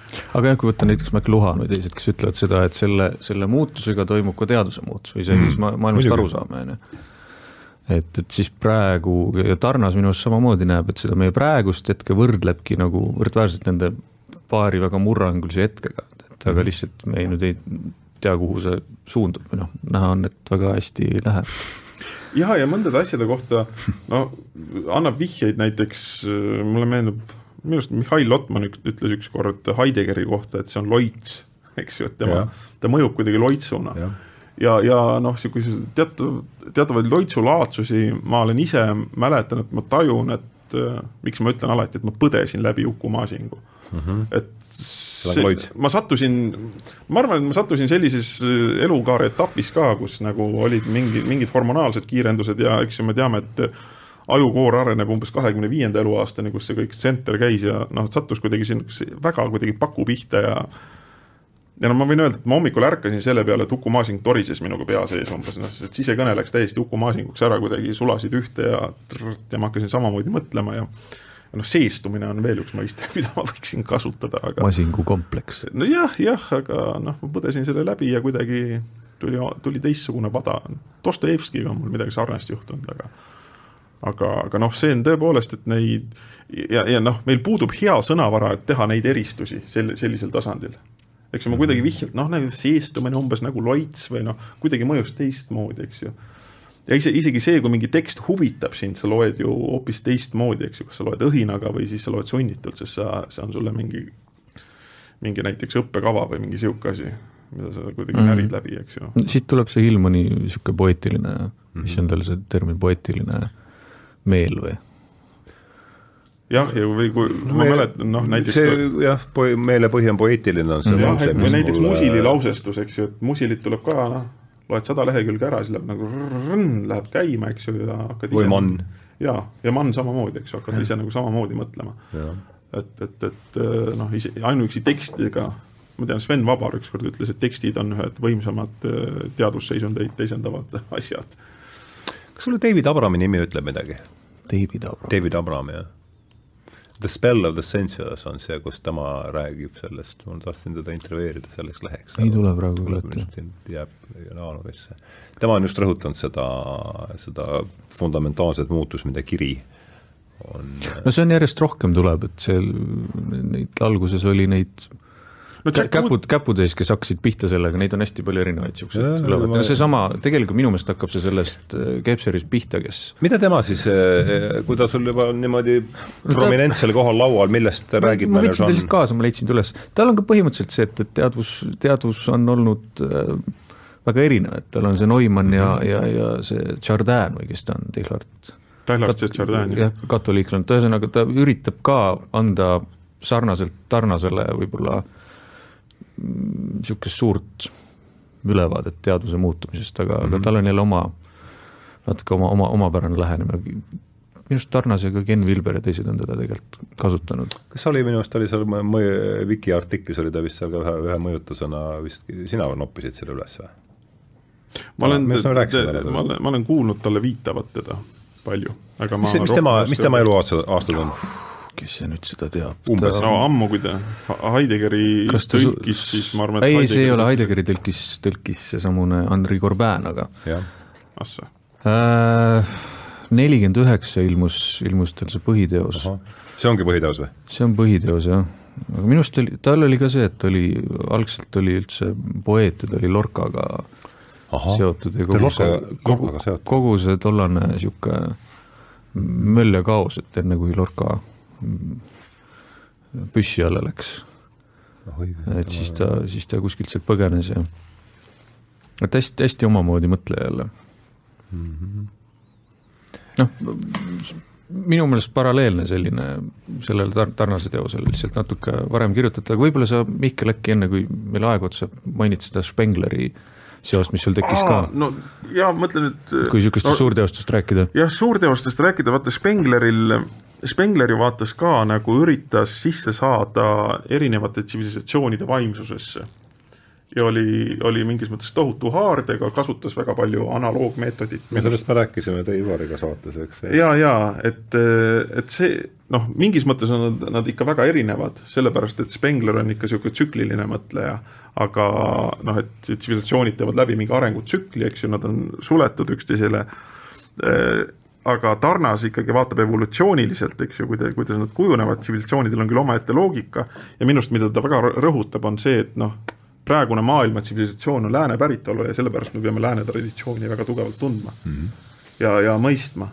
ja selleni ma tahtsin ka jõuda, et see on võib-olla üks, võib-olla see, mis on ka kriitikaks toodud ja kui vaadata seda Tarnase üldist lähenemist, on ju, et noh, see raamat on niisugune puhtalt läänekeskne mm, -hmm. ta ei too neid väga palju sisse, neid mõjusid või et mm -hmm. ma ei tea, see on ka vaieldav ju, et kust üldse lääne tsivilisatsioon, et kas seal on nii palju neid ringluse algne see ajalooline idee oli selles, et noh, ei olnud mingit mõttevahetust, sellepärast meil ei ole säilinud, ma ei noh, otseselt mingit artefakte, aga tegelikult jaa, meil on jah tegelikult nüüd, mida rohkem edasi teadlased tegelevad sellega, siis on näha, et see mõttevahetus oli ikkagi päris usin Mhm. noh, usin, usin, usin toonase ajast, ajastu kohta. nojah, aga et ikkagi see, need ideed levisid. jaa, aga muidugi see jah, et lääne, lääne kultuuri mõju on tohutu ja minu arust nagu tõepoolest igasuguse postkolonialismi ja suu-, muude tuha pähe raputamiskampaaniatega kiputakse ära unustama, et tõepoolest, eks ju, see, mis on praegust maailma tsivilisatsiooni sügavalt vorminud, on eh, loodusteadused, eh, mis on lääneliku päritolu nähtus no praegusel hetkel vist ei saagi rääkida, ma, niisugune ida ja lääne vahe on väga, enam ei no nüüd on ära kadunud, aga me võime öelda, et niisugune vaimne, vaimne kolonialisatsioon on lõpule viidud. Mm. -hmm. Sest... ja ülemkiht on igal pool seda usku, mis, mis, mis meiegi, see on. Ja, selgelt näha üle maailma praegu. kui vaadata selle, veel seda kahekümne sajandi algust, et mis näiteks ka noh, mida mis ta... allpool toimub, seda ei tea, no, jah, midagi on ikka või noh, ma ei tea, Assogi, Assotki vaadata, on ju, need teised jooned, mis tulevad sisse praegu aga, aga mida Tarnas ütleb, ongi see, et jah, et läänelik see mõtteviis ja, ja lääne inimesel on kuidagi ikkagi mingid omad niisugused primaarsed mustrid, mida on väga raske nagu ma ei tea, me ei saa importida mingit muud asja sisse, et me peaks hakkama ikkagi sellest pihta. jah, lihtsalt see on globaalsed tarneahelate tšaulide tagaajamine, eks ju, ja seda on üle Sheldrak maininud mitu korda see seitse aastat Indias, ta rääkis oma nendest äh, sikkidest ja, ja, ja hindudest ja, ja moslemitest kolleege, et päeval tegid Saboris oma numbrid ära, eks, aga siis äh, noh, õhtul elasid ikka äh, oma elu sikhi ja, ja, ja seal no see, no kes see, seal parajasti olid. no see, no see on niisugune vahetu elu ja psüühika tasandil, aga see, et maailma, maailma see globaalkultuur on läbi, läbi imbunud äh, insenerlikust tarkusest, lääne insenerlikust tarkusest. no see on jah, see üle kuigi jah, eks ju, loomulikult äh, palju Nobeli preemiaid on saanud jaapanlased ja nii edasi, eks ju, see on tulnud, aga see, see vaimne distsipliin nähtusena on lääne päritolu.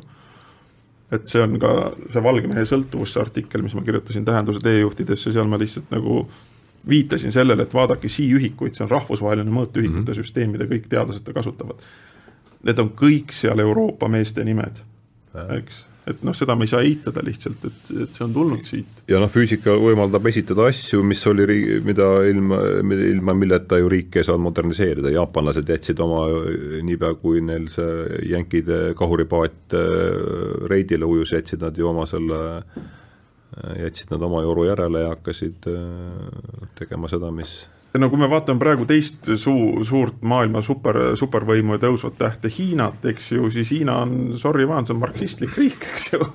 ja Marx oli ju aus kuradi valge eurooplane, suure maapemega ja puha. räägitakse ikka arenguriikidest ja siseriiklik koguprodukt nagu noh, see ongi see. paradigma on ju see siin, siin paika pandud. no jaa, kõik ja Maailmapank ja kõik need ju seda arengumudelit ju, et noh, tehke nii, nagu meie teeme, siis saab. see, see, see ei tähenda siin midagi ülistust, aga see on nagu paratamatu nending, eks ju, et, et, et see nii on. ah,. üks, üks asi veel, et ta mainib ka seal Lynn White'i, Lynn White'il on artikkel meie ökoloogilise kriisi ajaloolised põhjused äh, ja kus ta toob välja siis, eks, kuidas see kristlusest välja kasvas nii domineeriv. Lynn White. Lynn White jah, ma lihtsalt mainin seda sellepärast, et see on vast ei tea ka suurt midagi. see on, see on eesti keelde ära tõlgitud äh, kogumikus keskkonnaeetika võtmetekste, mis on täielikult guugeldamisi kättesaadav juba Tartu Ülikooli keskkonnaeetika võtmetekst. jaa. no see on niisugune kena referaat. seda peaks ka olema. sina tead seda, jah? peaks olema müügil veel.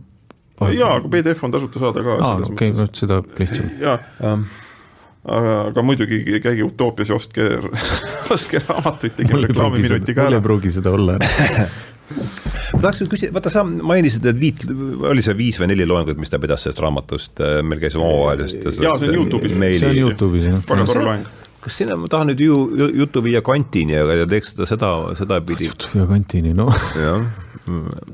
no vii. jah, et um, kui sul ei ole vastu sellele midagi. ma ei, jah, ei ole, noh, ei ole vastu, vii et ehm, kuivõrd sa viisid selle, kui sa, kuivõrd sa tõid või nendele loengutele viitasid, siis seal on üks koht, kus ta tsiteerib Keplerit, Kepleri kirja, on sul see meeles? tead, ma ei jõudnud neid uuesti üle vaadata. aga nüüd vanast, vanast ajast ei ole meeles? Kepleri kirja, oota ma vaatan seal on mingi niisugune, ta tsiteerib äh, Kepleri päeviku kannet ja noh, ühesõnaga idee on seal, äh, idee on seal see, et äh, et need mehed ei teinud, äh, noh, nad ei olnud, ühesõnaga ta vaatab kogu seda, äh, ma üritan nüüd selle sõna kuidagi panna ta niimoodi ladusasse lausesse, selle asja, mis ei olegi nii lihtne. et ta selgelt kasutab seal sellist piibellikku, piibellikku äh, fraseoloogiat ja noh, idee ja ta oli ju ka Rooma keisri astroloog, eks Kepleri ameti poolest. ja see, ja see, ja see, millele Tarnas rõhub ennast, see on jällegi muidugi kujutlusvõime äh, küsimus siin, eks, et, et sellest päevikust jääb niisugune mulje nagu, et ahaa, et nüüd me lõpuks, kõik eelnev on olnud selline noh, tead, oleme kobunud, aga nüüd lõppude lõpuks äh, oleme siis äh, no selles samas kirjas korintlastele selle, sellega, et nüüd oleme lõpuks siis äh,, näeme mitte enam vaimamisi nagu peeglist, vaid, vaid näost näkku, kui ta on selle kolmanda planetaarse liikumisseaduse äh, avastanud. ja siia kõrvale teine lause, mis on jäänud Sheldrake'ilt mulle külge, et nüüdisaegne maailm ei ole kanti isegi hakanud nüüdisaegne teadus ei ole kanti isegi hakanud arvesse võtma, nii et ikkagi kusagil on olemas see usk et me oleme jõudnud reaalsuse põhjani välja, alates Keplerist ja siis ütleme kogu selle teadusrevolutsiooniga, samal ajal kui Kant ütleb, et noh, me, me ei jõua kunagi, eks ole, mingile mingile, mingile põhjale välja ja noh, see Hillmani ja kogu see ja, ja noh, Tarnas on seda pidev, kui, kui sealt on minu meelest üks, ma olen teda palju kuulanud ja ja kui seal on üks mingi leitmotiiv, mis kogu aeg niimoodi ketrab, siis minu arust on see just see, nii, nii saan mina temast aru ja see on põhjus, miks ma tahtsin äh, kantini siin jõuda ka täna. sealt tuleb võib-olla see lõhe sisse, et, et ühtepidi nagu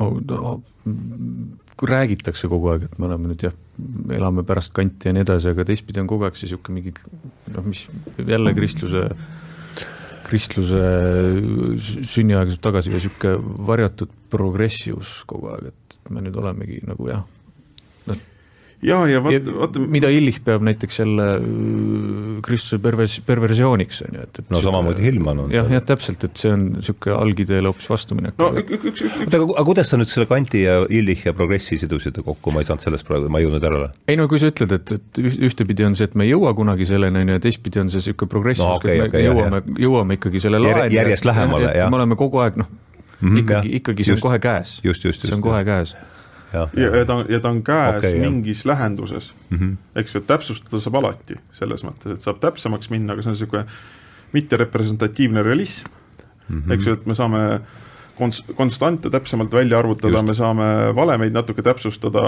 aga niisugune mm põhiraamistik okay, on äh, ikka paigas, eks ju, et lähe-, lähendused on paigas mm. -hmm. ja mida veel tasub nagu silmas pidada, on see, et kui sa ütlesid, et äh, Sheldrak käis Indias ja olid niimoodi, et äh, hommikul päeval tegid ära omad arvutused seal laboris, siis läksid koju ja olid oma traditsioonilise usu järgi edasi elasid, eks ju, tegid seal võib-olla oma riitusi ja rituaale, aga ma ütleks, et äh, vaatame seda asja natuke võib-olla tarnaslikumalt või noh, kas tarnaslikumalt on veits isegi laiemalt, et esiteks, see ongi niimoodi. ja see, et hommik on õhtust targem, see on tsükliline mudel, mitte, mitte selles mõttes, et äh, tulevikus me oleme alati targemad millegi võrra õhtul oleme lollid, hommikul oleme jälle targad, samal õhtul oleme jälle natuke lollid ja mitte lollid, vaid selles mõttes me oleme teises teadvusseisundis.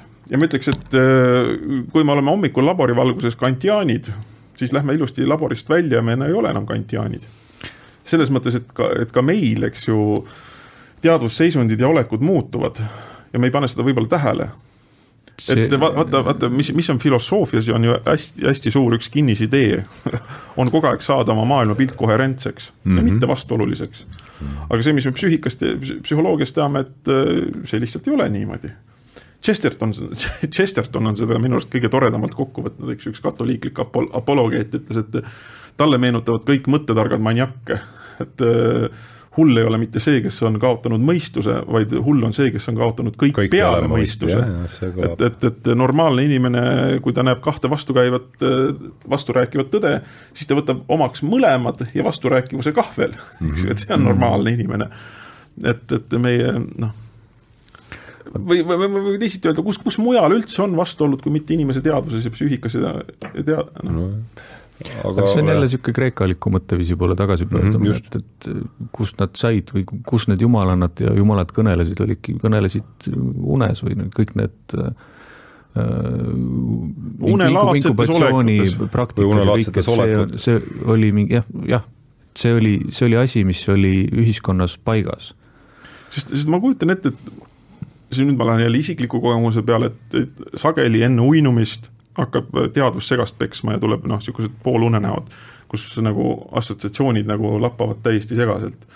noh, mõni õhtu ei ole seda üldse, mõni õhtu on pikemalt, eks ju, et äh, ma tean, et näiteks Edison kasutas seda teadlikult leiutamisel ära, et äh, mm. ta pani endale need äh, raudkuulid kätte ja kausi alla ja siis hakkas nagu tiksuma niimoodi tooli peal tahtis hämarasse, hämarasse seisundisse. tahtis olla hämaras seisundis, eks ju, et noh, sel-, sellised teadvusseisundi muutused on, on noh, normaalsed ju kogu aeg ja, ja mingi, mingis asjas tõepoolest, eks ju, otsmikusagar hakkab vaikselt välja lülituma ja siis äh, assotsiatsioonid hakkavad lappama, eks ju.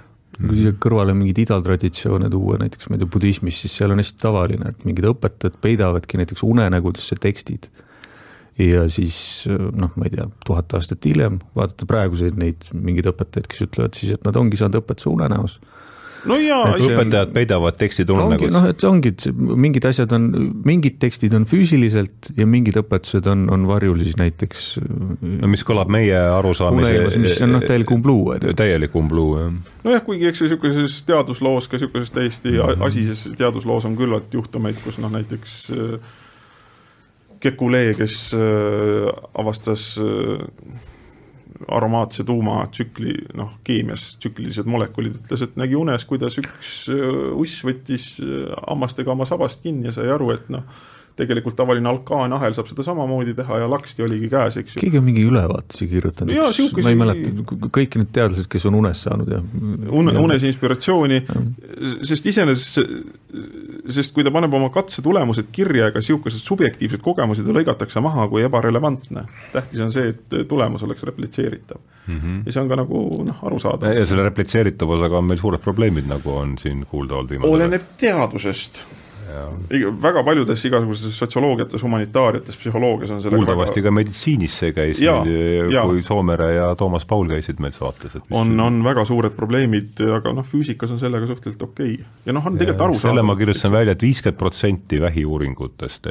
ei ole, ei ole replitseeritavad, see oli mul, käisid korraks tead silmad niimoodi. no jah, ja siin, siin me saame ka aru, et inimene on ju nii, nii kohutavalt keeruline süsteem, et vaata, kui paljude asjade mõjuväljas ta kogu aeg on. kui palju erinevaid toite ta jääb sisse, kui palju erinevaid asju ta sisse hingab, eks ju. ja peale selle on ta kogu aeg kordumatult ajalooline. eks, on ju oluline vahe, kas sa oled sündinud enne või pärast Tšernobõlit ja nii edasi ja noh, iga põlvkond on mingis mõttes teises keskkonnas ja teises toitumises. õudselt raske on teha üldistusi. mulle selle toiduga väga meeldis, et kui nüüd see meeleavaldus oli, siis olid sildid, et me ei taha mürki enda sisse, siis olid pildid, kus on needsamad siltidega tüübid, paar tükki olid pärast kuskil kaubanduskeskuses Longero pudelitega, on ju. et, et noh, pärast lähed ajad, on ju, seda tõelist mürki endale ka sisse, on ju. niisugust kuradi keemiat, et on kohe noh, mitte et võtta no jälle, eks ju, ega noh, vastuolud ongi, inimene ongi vastuolude mudel ja mitte koherentne. mis mul päris alguses jäi mainimata, on see, et kui võtta see Tarnase raamat kätte ja vaadata neid soovitusi, mis seal on, siis kõigepealt on Campbell mm, -hmm. kes on ka niisugune noh, suure mütoloogilise narratiivi looja ja teine, kelle, kelle soovitusel on John Mack, kes on minu meelest üks väga kummaline tüüp, ta oota, kuida-, ütle, kuidas kuidas Tarnase pealt nüüd sattusime John Maci peale, kuidas see raamat seal vahel on mul just tähelepanu? et või ah, seal taga, taga, taga kohe Mac soovitab, kes oli üks ah, kes on soovitaja? Harvardi ülikooli psühhiaater, äh, kes hakkas uurima siis või noh, kel-, kellel sattus ette hästi palju patsiente, kes väitsid, need, neid on siis tulnukate poolt röövitud. ja, ja noh, tema lä-, lähenes siis ka nii-öelda fenomenoloogiliselt, on ju, et ta ei hakanud kuidagi hindama, vaid ta lihtsalt võttis nii, nagu on. kui räägib, siis on nii, jah? ja, ja noh, Harvardi ülikoolis ta pandi minu arust kuidas seda öeldakse, vandale või ühesõnaga kuidagi oli uuringut taheti välja heita kui pseudoteadlane. ja see oli niisugune suur protsess, aga lõpuks ta jäi ikkagi tööle, sest ta tõestas, et ta läheneb teaduslikult asjadele. Noh. kogemuse kirjeldus. kogemuse kirjeldus jah, ta muidugi noh, pakkus välja hästi palju erinevaid neid versioone, mis see siis on, on ju jõudmata mingile kindlale tulemusele, aga ta jõudis muidugi selleni, et mis ta ei ole, on see traditsiooniline arusaam, et tulevad need äh, metallist mehikesed ja tüübid on ju, et see on hoopis midagi muud.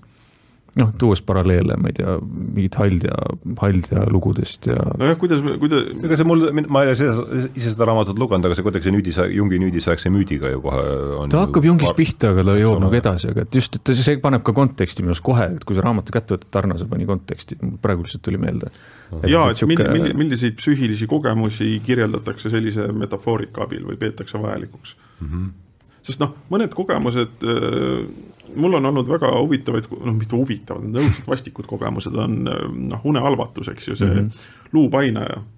ja et sa nagu tõepoolest tunned personaalsena, eks ma tean, mis selle mehhanism on. ma isegi tean, kuidas seda esile kutsuda, ma ei ole taha, tahtnud seda esile kutsuda, aga mu elu, elurütm läks ükskord niimoodi, et ma tegin väga õhtul hilja trenni Äh, väga tugeva trenni, eks ju, siis kui ma veel kick-poksiga nagu rohkem tegelesin, see trenn oli suhteliselt hilja, ma jõudsin, noh, enne trenni ei tohi süüa, sest noh, täiskõhuga ei saa teha, ja siis ma pärast trenni olin füüsiliselt rampväsinud, tõmbasin endal mao veel mingit sodi ka täis, eks ju, une, uinumissünkroonsus läks kehal paigast ära. Need olid õudselt vastikud kogemused, nagu tõepoolest, eks ju, sul on mingi painaja kallal. Ja, ja noh no ma muidugi teadsin, eks ju, et see on une, unehalvatus mm, -hmm. see tähendab, et aju ja keha ei uinu sünkroonis. ja une üks protsess ongi see, et noh, keha lülitatakse tagant välja, eks ju, et sa need, kui sa unes jooksed, siis tegelikult voodis siplema ei hakkaks. eks aga teadvus mingis mõttes säilib ja su keha on halvatud ja see on kohutavalt ebameeldiv kogemus Need, need, need nii-öelda, kui ma olen lugenud, need nii-öelda ufo kogemused on ka enamasti sellel sellel liinil, sellel liinil on ja neid enamasti kutsutakse taga siis mingi hüpnoteraapiaga, mille puhul on ka teaduslikult palju vaidlusi olnud, aga ikkagi on tõestatud, et see ei ole nagu noh, alg-, vahepeal osad tõsi, niisugused positiivistlikud teadlased tahtsid tõestada seda, et et lihtsalt küsimustiku ja selle hüpnoteraapia nagu suunab neid kogemusi, et ühesõnaga terapeut äh, pressib välja need tulemused, mida ta tahab, aga, aga see nagu ei mänginud välja, mis huvitav on see, et üks hästi, hästi suur liin, mis tuleb nendest tulnukate röövidest välja, on see, et nad hoiatavad ökokatastroofi eest. et maakera on hävimas, et tehke midagi mm.. mis on hästi kummaline, noh, see on mingi, ma ei tea, mingi kollektiivne mm. kollektiivne kollekt-, mingi asi pressib kuskilt välja, aga see on hästi tugev liin, mis tuleb kogu aeg. Just sellesama Maci niisuguste üldistuste põhjal. no temast ma ei olnud isegi kuulnud varem muidu täiesti tavalised inimesed, kõik erinevad psühhiaatrilised testid tehtud, ei ole enamasti midagi. no et ja sa ei saa panna seda mille arvel, millegi muu arvele, lihtsalt on. ta sai õnnetult surma, jäi, jäi auto alla. ja tegutses ta siis äh, need? ta oli Harvardi ülikooli juures, jah minu meelest. aga nojah, kui ta sellest raamatust, Passion of the West Mind tuli üheksakümmend üks välja vist või? ta suri üheksakümmend üheksa minu meelest, viimane raamat tuligi kuskil siis välja, niisugused, üritas leida mingeid paralleele igalt poolt mujalt mm. -hmm. noh, neid on palju veel nüüd, kes on edasi. jaa, Maslow oli ka toonase ajast oma ja väga huvitav, sest tema, tema Maslow käib ka läbi see passion selles jaa, see, see on nii naljakas, eks ju, Maslow sai tund-, noh, ma räägin nüüd raadiokuulajatelt, Maslow on, eks ju, kõige tuntum oma inimvajaduste püramiidiga väga tuntuks saanud, tema, tema raamat on ka väga hea, väga hea reduktsionismi vastane teos on see, tema peateos. mida sa soovitad? või mis see peateos on tal? Motivatsioon, motivatsiooni isiksus. kas tal on eesti, on tal eesti keeles olemas täitsa? jaa, tuli üle, üle kümne aasta tagasi välja, kus, kus on kus motivatsiooni isiksus, jah? jaa, kusjuures seal ta üritab muuhulgas leida öö, ütleme siis mittereduktiivset matemaatikat, et, et noh, psüühika jaoks oleks seda vajalik, aga arvab, et see tuleks leiutada, noh, semiootika on üritanud ka seda teha, aga minu arust see on nagu puust-raud, seda, seda ei saa olla lihtsalt. Äh, aga äh, tema, tema alustas, eks ju, nii-öelda eupsühholoogiaga ja tuli niisugusele pöörasele mõttele, et va vaadake, psühholoogia on kogu aeg uurinud äh, haigusi ja psühhopatoloogiaid, eks ju, Freud, kust tulevad neuroosid ja mis asjad aga uuriks psüühilist tervist, et mis on nagu hea psüühiline tervis ja mis on selle tingimused. ja siis naljakas on see, et kus ta seal hätta jääb, on see niimoodi, et hakkasime siis terveid inimesi otsima.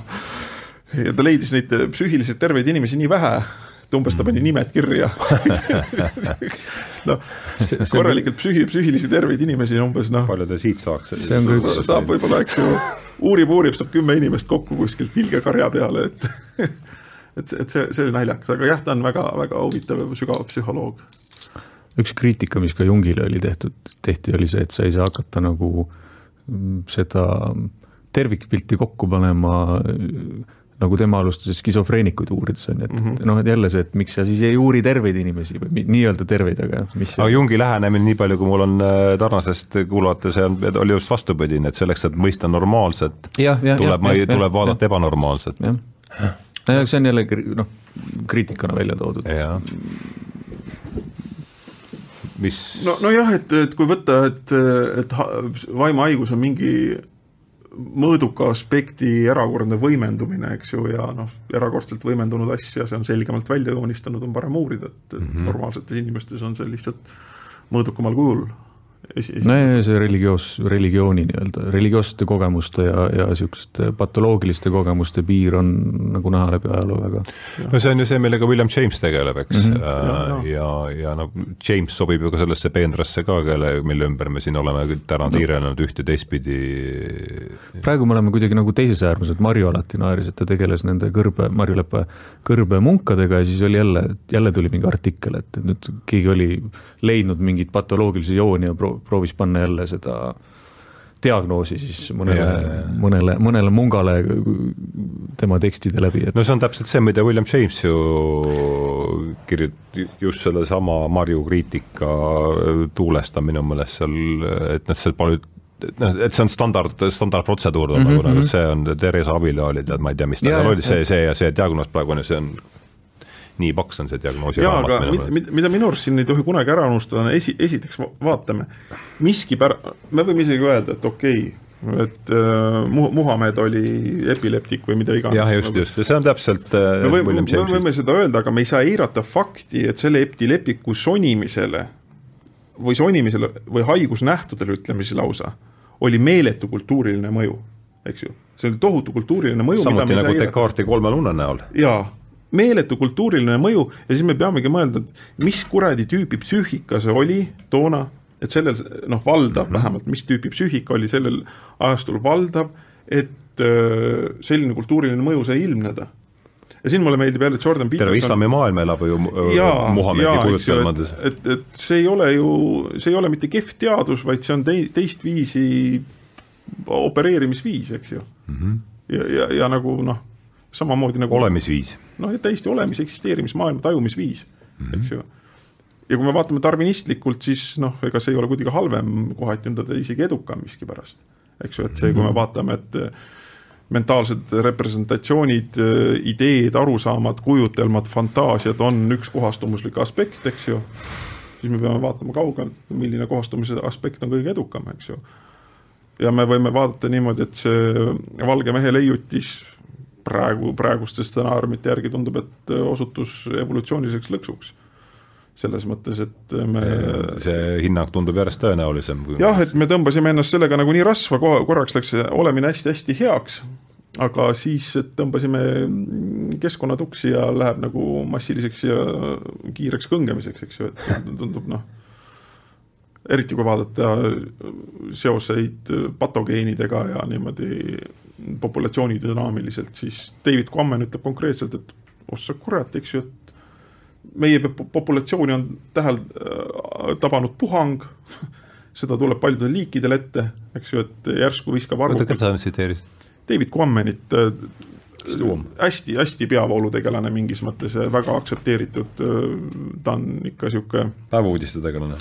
päevauudiste tegelane jah, et kaks tuhat kaksteist ta kirjutas ra-, raamatu Zoonoosid, järgmine üleilmne pandeemia, see on niisugune seitsmesaja leheküljeline no. Mm eesti keelde tõlgitud, ta sai kaks tuhat kaksteist sai Scientific Americani parima raamatu auhinna, on veel mitmeid auhindu saanud. seal ta ütleb ka kahekümne esimest sajandit defineerivad pandeemiad, kõige tõenäolisem, et tuleb Hiinast, kuna seal on teiste liikidega nii palju kokkupuuteid, ökoloogiline surve on sedavõrd suur muuseas käib, käib välja ka ühe võimaliku asjana koroonaviiruse, siin on ka mõningaid teisi viiruseid, noh, tõenäoliselt RNA viirused, kuna need lappavad kõige paremini. äkki ta oli siis Bill Gatesiga nagu ei, Bill Gates te, on teda koostööd, et seda viirust teda, Bill Gates on talle viidanud minu arust oma kaks tuhat viisteist esikõnes. sina oled kuulnud tast või? ma olen, Mihkel jagab vahepeal minu arust Facebooki seinal neid äh, lehekülgi vahepeal.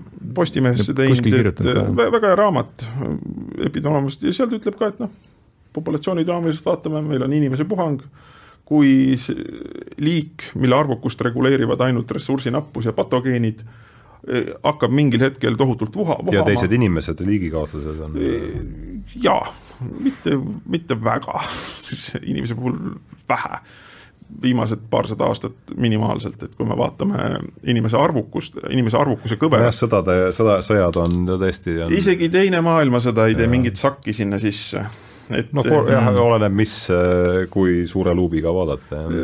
jah, et sihuke, et kui me vaatame, lööme inimese arvukus ja paneme Vikipeediasse, siis see kaar on ilus kõver sirg või tähendab ilus kõver, eksponentsiaalne kõver, seal mingid. Jupiteris on praegu üks hea sihuke lihtne dokfilm väljasuremisest, seal kohe alguses üks teadlane väga õnnetu näoga ütleb, et kui ta sündis, siis oli kolm miljardit ja, ja kui ta sureb, tõenäoliselt on kaheksa, et jaa, selles mõttes, et noh, lihtsalt ma, ma ei ütle väljasuremine, et see on vähetõenäoline. see oli, see oli, see oli populatsiooni sellest kasvust ta lihtsalt, see räägib liikide väljasuremist ja, no, ja, ja liikide, liikide väljasuremine juba käib ja aga see, et noh, et inimpopulatsioon väga tõenäoliselt teeb väga suure kolksu lähiajal läbi. no mul on jah, mul on ka meeles sealt ähm, Bellow äh, Mr Sumleri planeedis, kus see kogu selle suurlinna ängi taustal ja kõik see on seal taust ja siis äh, Sumner võtab oina, et nüüd ta su-, kasvas või luges, et maakera rahvastik on jõudnud ühe, kolme miljardini, et see oli ju jah, jah, see oli kuuskümmend üheksa oli, kas kuulkäik oli kuuskümmend üheksa või? äkki tõesti jah, umbes sealkandis. oli või? midagi siin, no aga see kuuekümne aastate lõpp. jaa, täpselt aasta arvu, kes see nüüd mäletab no midagi sinnakanti on või no eks, minu arust on, oli aga, aga need on jällegi teemad, millega näiteks kui nüüd võtta kogu see Tarnase ja teiste seltskond, siis näiteks Aldous Huxley kuskil oma Äh, mingitel hästi varajastel loengutel, väga hea loengute sari on, mul tuleb praegu see pealkiri meelde. Need on kirjas või, või kusagil Ki? kirjas, kirjas mm. -hmm. ütleb ka, et, et noh, toob selle teema sisse, ütleb, et, et see on tõeline tabuteema, me ei saa sellest rääkida, on ju. ja et võib-olla alles nüüd siis, praegu on tekkinud see, et tõesti nagu inimesed hakkavadki rääkima sellel teemal populatsiooni kasv ja, ja mis, mis sellega kõik kaasneb, on ju, aga et veel sellel ajal, kui kogu see esaalen ja, ja ja see transpersonaalne psühholoogia kõik nagu alguse sai, on ju, ja pea-, noh, tundub nagu niisugune tohutu vabanemise aeg, et siis oli see tõeline tabuteema. noh, Akseli ütleb, et populatsiooni kasv siis või? noh, rääkida üldse sellest, et kuhu me jõuame, kui meil niimoodi üles, üles läheme, on ju. kuhu läheb jumala nimega majandus, on see teine jaa, ja sest noh, on, on urjutatud, eks ju, et äh, Maltus, et Maltusel ei olnud õigus, et, et mm. ei jää kitsaks, aga noh, ei saada aru sellest, et äh, praegune populatsiooni kasv on olnud äh, täiesti üheselt taastumatute ressursside najal, eks ju, et Maltuse ennustus kehtib, lihtsalt see on natuke välja venitatud ja moonutatud tänu naftale, sünteetilistele väetistele ja muule niisugusele asjale. aga samas, eks ju, mullastik erodeerub väga kiiresti, mis on taastumata loodusvara.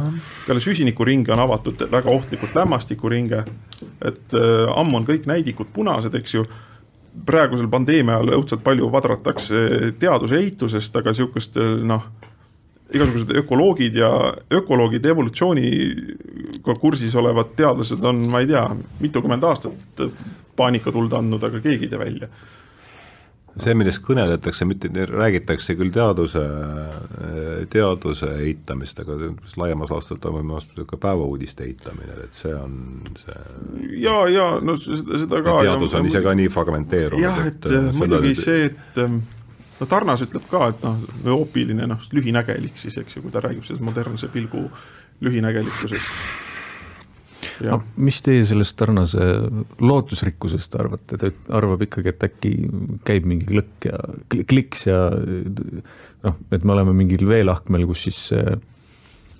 praegusest inimesest saab võib-olla siis natuke teistsugune inimene. või Tarnasel on kogu aeg on see, et ta ütleb, et lootus on nagu vajalik voorus jah, ma olen, ma olen sellega nõus ja Mina, ma ei tea, sina oled jah, võib-olla rohkem kursis, et ma olen teda jah, päris, no minul on läinud jah lause meelde sealt see, et, et ma, ma ei ole nagu seda loot-, mulle meeldib jah, see nagu lause, et, et noh, kui see trall siin juba käis, see nüüd mingi viimase kahe aasta intervjuudest on kusagil, et noh, et vastas äh, vastas mingi sarnasele küsimusele niimoodi, et kui tähed asetsevad soodsalt, siis me võib-olla tuleme sellest läbi mingis vormis. no siis ta on ka muutunud pessimistlikumaks, ma mingist varajasest asjast lugesin, et see nagu no jaa, aga noh, ma arvan, et et see, mida räägivad mida räägib Tarnas, mida räägib Eisenstein, mida räägib Sheldrake, mida räägib kõik need, mida räägivad kõik need mõtlejad, kellega ma siin viimasel ajal tegelenud, on see, et noh, siin peab toimuma lihtsalt mingi häälestusmuutus, eks mm, -hmm. et, et noh, see ja noh, küsimus on see, et mis vormis ta tekib ja, ja, ja kui suure, kui suurt katas-, kataklüsmi selleks on vaja, ma arvan, et see kui kauaks peab elekter ja internet ära minema. jah, et see, et see, et see tekib. no kuus tundi Facebooki on juba see, see, see viib paljud piiri, inimesed piirile. see viib piiri peale, et see seitsmes see vist juhtus ju äsja või, oli või? ma kujutan ette, et Kaitsevägi oli juba valmis jah, aga no ja praegu tuli ka ju, asja võeti vastu seadus, et võib konfiskeerida toitu, aga seitsme päeva varu peab inimesele jätma see tähendab, et noh, mingid ettevalmistused vähemalt käivad. see tuli mulle meelde, kuidas Juku Kalle, mitte tsiteerib mingeid vene ajakirjanikke, kes käisid Ameerikas kusagil kuuekümnendatel ja, ja seal oli, kuidas, ma ei mäleta täpselt, aga et see oli mingi kohalik niisugune nagu äh, kommunistlik arusaam, et, äh, et miljonäridelt tuleb raha võtta, ära võtta, aga ühe miljoni peab järele jätma, muidu nad hakkavad mässama. Läheb sinna. seemneks või juuretuseks Läheb sinnakanti Siim, sa haarasid lootusrikkalt äh, teose, et mis sa sealt, mis sa, räägi sellest, räägi kõigepealt, mis publikatsiooniga on tegemist, et kui on ju püss laual, siis on, peab ta ka mingi paugu tegema lõpuks. Arhetüübilise kosmoloogia ajakiri, mida Tarnas, Tarnase tütar Pekka Tarnas annab välja, aga Tarnas ise kirjutab siin luba, ma vaatan, mis Arkai. sisukorraga on. Arkaid, see on üks, üks, üks vahepealne, aga, aga mida Tarnas ütleb minu meelest on see, et me peame Saturniga tegelema. Saturni arhetüübiga, mis on niisugune Hillman kirjutab ka Saturni arhetüübis päris ta võtabki Hillmanilt, aga, aga mitte ainult, vaid Saturn on niisugune äh, karm, karm, kõige karmim planeet, et pigem ongi see häving ja kaos, millest võib-olla siis tuleks kuidagi midagi positiivset luua. no ma ütleks selle kohta, et pole, pole halvem nõuanne kui need, mis praegu letis on. Ei noh, ta jõuab, ta, ta jõuab muidugi hästi, hästi, hästi, hästi põhjalikult jõuab selles, noh, Saturni arhetüüp, nii et see kõlab jälle nagu mingi selline Postimehe lisa, aga tegelikult tal on need mõtted on natuke ei jaa, ma olen mõnda loengut kuulanud jah, et see on no, see on päris tema jaoks juba see arhetüübi mõiste on, ta toob siin välja see ei ole lihtne asi, jah. kaksteist erinevat äh, seda suurt no, omadust, et sellesse süveneda, siis jah, see on juba omaette tema, tema, tema maailm, et ma arvan, et kui Lillmani loeng tuleb äh, kunagi selle Tarnasega, et äkki ta see on päris kõva protsessorit eeldab, jah mm -hmm. sellisel tasemel arusaamine.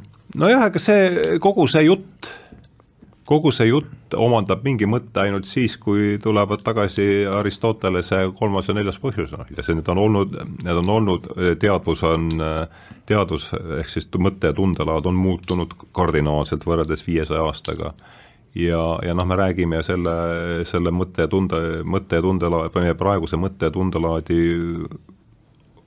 radikaalsest muutusest.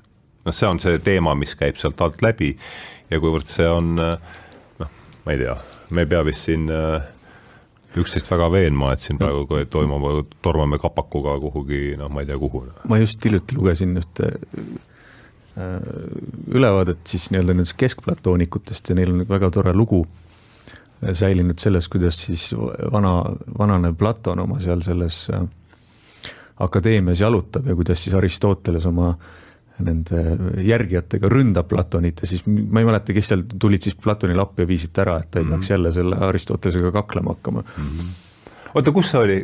mingites, ma ei tea, kas Plutarhose, ei mitte, ühesõnaga mingite keskplatoonikute äh, tekstides on säilinud niisugune. nojah, üks oli vana ja teine oli noor. noored on ikka söakust täis. aga ma ei tea, kui jälle nüüd jõuda ka selle, noh, Tarnas muidugi seda ei ütle, aga aga et kus nagu valesti läks, siis päris paljud ütlevad, et Platonist läkski juba valesti. sellel hetkel, kui ta otsustas hakata kirja panema asju, et siis. no sihukesed äh, evolutsioonilisemad mõtlejad ütlevad väga üksmeelselt, et äh, põllumajandusega läks halvasti. no see on juba varasem jah, aga nagu kogu lääne mõtle... põllumajandus, siis Platon ja siis kogu lääne mõtlemine on ääremärkused Platonile on ju üks äh, nojah, aga kui sa pöörad selle nüüd ümberpidi ja ütled, see ääremärkus või see, millele me ääremärkusi teeme, on oma olemuselt nagu see väike seeme, mis viib.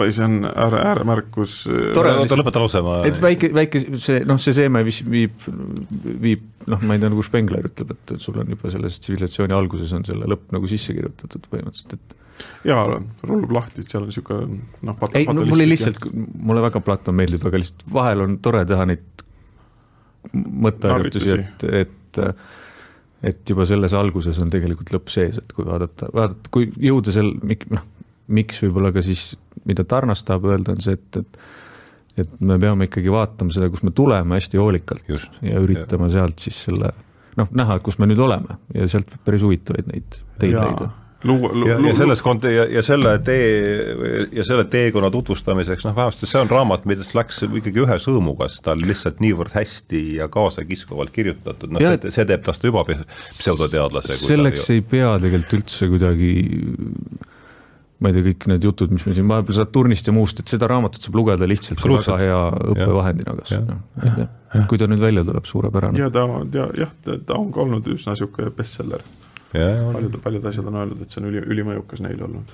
ja on tõesti hästi, hästi avav sest sellist rakurssi minu jaoks pani ta jah kogu selle filosoofia ajal üldse elama, sest ma, ma ma olen seda Russelli eelsokraatikute peatükke lugenud korduvalt ja korduvalt, aga edasi lihtsalt ei lähe see asi. Russell on kuidagi teistmoodi. ei lähe mul see asi kohe, no ei temperament on nii teine. temperament on jah nii teine, et ega seal polegi ja noh, tead, osadele läheb jälle see ja ja eks ta siin suu-, suuresti niisugune temperamentide mõõdu võtmine minu arust see, mis siin õues toimub, on. mäletan, et äh, noor Russell, noor Bertrand Russell, mm, eks ta on äh, äh, seitsmekümnendat, tuhat kaheksasada seitsmekümnendatel on sündinud, kui ma ei eksi, või oli kuuskümmend kaheksa kuni, peaaegu, elas peaaegu saja aastaseks, no noorena ta mõtles ka kaastundlik inimene ta elas üheksakümne kaheksa aastaseks jah, ta oli kaastundlik inimene, vaatas, et inimesed kannatavad nii palju oma eksistentsi jooksul, sihuke budistlik äratundmine, elu on kannatus.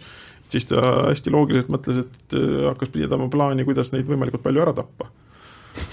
et siis nad ei kannata, eks ju, kui on surnud, siis enam ei kannata, noh, see on sihuke minu arust loll nagu filosoof, et nagu puhtalt loogiline mõte. täiesti aus loogika mõte. no see Chestertoni lause kõlab siin päris.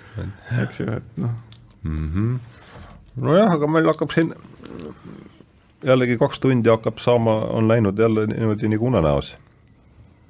et, et peaks mingi veerand tunniga siis selle asja, asja kokku võtma, et äh, mis, mis raamat sul seal veel seal on seal laua peal? aa, see on selle Saaleni niisugune no, kokkuvõtlik, kust, kust see Saalen tuleb, niisugune artiklikogumik aga räägi lihtsurlikele, aga mis on Esalen ja kust ta tuleb? jah, see on oluline koht siin küll, jah.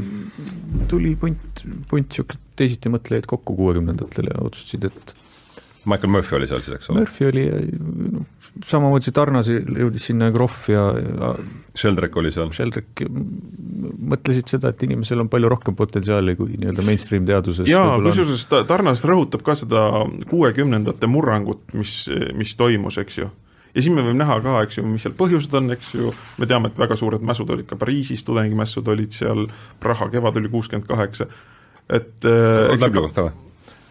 ma olen mõned asjad sealt lugenud, mul on üks hästi hea ülevaade nagu tervest sellest liikumisest ka, aga võin sulle tuua. pärast teist maailmasõda oli kõva beebibuum, eks ju, siis need jõudsid teismikka seal kuuekümnendate lõpus. ja noh, populatsioon oli väga nooruslik, samas avastati psühhedeelikumid mm -hmm. ja tehti mürtsu ja möllu, nii et oli kohe ja muidugi me võime no, öelda. seal on kõik Pink Floyd, Monty Python, kogu see Rolling Stones, kogu jaa, see. et noh, väga suured kultuuritead-, niht-, nihked kultuuriteaduses, nüüd hakkab see põlvkond väga vanaks saama ja ära kukkuma väikest viisi. ja noh, me peame vaatama ka demograafilist seisu, eks ju, ongi, Euroopa ongi vana, vananev noori ongi järjest vähem. et see, see kõik mõjutab. Aga see Esalen on nagu, Tarnas kutsub neid heroilisteks või kangelaslikeks kogukondadeks, et ta toob siia samamoodi need Waldorf ühendused ja kõik, et see on niisugune noh, vastuvoolu ujuvalt haridusasutused põhimõtteliselt võib öelda, no haridusasutus kõlab juba nagu mingi vale struktuur, on ju, jah, aga et, et see ideedele keskendunud kogukonnad või midagi sellist, jah, vastu, seal ei olegi, pigem ongi see, et leida neid alternatiive, pidev, pidev ajurünnak, pidev niisugune vaba õhkkonna tekitamine, kus ongi no jaa, Kaia saad... kool kusjuures on ju samamoodi see, mida Trapido praegu meile ajab mm, -hmm. et noh, ja minu arust nad on just, ma, ma nagu suhtun neisse väga suure sümpaatiaga, et, et et ääretult oluline on minu arust alas, ala, alal hoida teadmus äh, et meil oleks olemas vähemalt mingi grupp inimesi, kes ei lähe kohe totaalsesse paanikasse, kui elekter ära läheb. Et, et selles mõttes. vist on selleni jõudnud jah, et et oleks mingid kogukonnad, no täpselt see, et keegi õpetaks pärast siga, siga, siga tapma, on ju. mis pidi kartul maasse käib, eks ju, et see noh. et hoida alal mingit, no aga see on kogu aeg olnud, et hoida alal mingit mingit teadmist, järjepidevust ja nii-öelda siis traditsiooni, mis ei ole küll hea, jälle tekitab vastuolud. jaa, aga see, see, see on nii traditsioon. kogemuslik ja kehaline no, asi, sest no näiteks, eks ju, Michael Polani, kes sai tuntuks sellega, et eks ju, kirjeldas nii-öelda vaikivat teadmist, et teadmust, mida antakse ette kehalisel kogemusel ja mm, noh, mis on IT-meestele meelehärmi tekitanud, eks ju, et noh, väga lihtne on õpetada Garri Kasparovit ma-, males no või noh, arvutit ma-, males kellelegi ära tegema, sest see on nii lihtne asi. Aga mingi tavaline kehaline liigutus, et Hardo viskab mind pliiatsiga, et ma laks püüan selle kohe, eks ju et sihukest asja on arvutile väga raske õpetada, sest paljud teadmised ongi meil kehas, sees istuvad mm kehas. igasugused mikrokoordinatsioonid ja liigutused ja, ja noh, ega noh, ma tean kasvõi ise, et see noh, puu lõhkumine, puid õpib lõhkuma siis, kui sa õpid, lõhud puid oska inimese kõrval. et mhm. puu lõhkumise õpikut teha on väga raske. et see teadmine ei ole üldse niisugune tserebraalne ja, ja, ja et, et niisugused asjad äh, alles säiliks, ma olen nagu väga igasuguste niisuguste ökosmäko kogukondade poolt. nii palju on asju, millele äppi ei ole ega tule, eks ju. Puu lõhkumise sellest õpikust mul sealt, mul tuleb meelde, kui üks tennisetreener rääkis kunagi, et tema käis kvalifikatsiooni tõstmise eksamitel, seal oli ka küsimusi makroökonoomikast. Ah.. et kuidas see nojah, kuidas tennisetreener jah, kuidas kvalifikatsiooni tõsta, jah. Ja., seda ma tean. Ah,. ma kasutan juhust et on äh, kaks äh, haritud inimest, kes on sellel varas, äh, sellel vallal, sel noh, lugenud sellel teemal ja saad äh,, hakka, loen praegu seda Hillmani Soul, sa oled lugenud seda või? mitte Soul Schools, see on ju see psychology. ma ei ole kindel, ta on mingi lõike, mul on see. jah, siin on üks lause, et ma, mul on niisugune tunne, et see viib meid vestluse alguses tagasi kogu selle kartesiaanliku selle juurde, kuidas teie sellest aru saate, et äh, ma midagi aiman, aga ma loen ta inglise keeles ette ja siis vaatan, kuidas talle panna ja mis ta eesti keeles võiks olla ja mis see mõte võiks olla, sellega ma arvan, järsku olekski hea lõpetada, et our true religion is a monotheism of consciousness, a possession by it, coupled with a fanatical denial of the existence of fragmentary autonomous systems et noh, ega see ümber panna iseenesest ei ole ju keeruline, et meie, meie meie teadus on obsessioon, meie me, teadus on obsessioon äh, meie, meie, meie tõeline religioon on teadvu-, monotheism of consciousness. teadvuse monoteism. teadvuse. Mono, no, monoteistliku teadvuse monoteistlik teadvus? jah -hmm.. jah, võib ühele. aga mida see possession byte coupled with a fanatical denial of the existence of fragmentary, fragmentary autonomous systems no,. Mi, mis Mille..., mis on, mis on paaris äh, äh, maniakaalse eitusega fragmentaarsete autonoomsete üksuste suhtes no, no jaa, aga okei okay,, jah, see, selle teeb Google, Google Translator teeb ka selle ära, aga mis äh... ei, ei ma, ma saan sellest aru, vaata kui noh, sest tõepoolest see, see meie teadvuse dominant on ta viib mõttes... kuidagi sinna tagasi selle vestluse algusesse. jaa, see on, see on mingis mõttes ainuline, eks ju, sest äh, no me teame küll, et me vaidleme iseendaga ja, ja psühholoogid on ju üks EPS-i või tähendab, üks Tähenduse teejuhtide saade oli ka selleks, et, et noh, kas teadvus on ühene, eks ju, kaks psühholoogi oli siin. üks oli võib-olla äkki isegi Pulver või Allik või Pulver ei ole käinud. ei, jah, jah, et minu arust teadvus on ühene? et see noh, et, et meil, et, et kogu aeg igasugused funktsioonid on äh, allüksustele kuidagi ära jaotatud, eks ju aa, see on Allikugu, see, aa, see oli Aave Annus järsku ja või kui me rääkisime Gibbons, siis selle, on Gibbons? ja, ja, ja vist üks nägemispsühholoog, eks ju, kuida-, kuidas see, mis on ecological approach to the uh, visual perception vist oli see raamat oli, noh. et, et see, et meie see tuli psüühik... puhtalt Petersonist äh.... et meie psüühik, psüühika on paljune, aga jah, tõepoolest, eks ju seda, et noh, mingis mõttes niisugune kartesiaanlik maailmapilt, mis jätab ainult inimesele teadvused ja, ja eitab kõigi teiste liikide teadvusi, mis on täiesti nagu evolutsiooniline truism võiks olla või loogilisus. et jah, et, et, et see on küll, et minu, minu arust, mis on nagu huvitav, on see, et äh, mõned asjad, mis on nagu evolutsioonilisest printsiibist nii triviaalsed, et äh, lääne filosoofia ja vaim on äh, sel-, nendest aegamisi nii eemale triivinud, et ta peab väga pikalt seletama mingeid äh, nähtusi, mis on evolutsioonist printsiibist väga triviaalsed, ma toon ühe lihtsa näite, mis seda keerulist mõttesooga aitab selgitada. et see üks, üks väga tuntud äh, filosoof, äh, mingis mõttes isegi staarfilosoof Peeter Singer, kes käis hiljuti ka Tartus mm, -hmm. eks ju, temal oli raamat, et Animal Liberation tuhat üheksasada seitsekümmend viis seal on pikk lõik, kus ta võtab vaevaks selgitada, et ka teised loomad peale inimese tunnevad valu mm. -hmm. eks ju, ja ma olen seda loengus toonud näitena, et kui kuradi kaugele saab üldse irduda mingist kartesiaanlikust lollusest. et sihukest asja on vaja seletada pikalt ja veel argumentatiivselt, eks ju.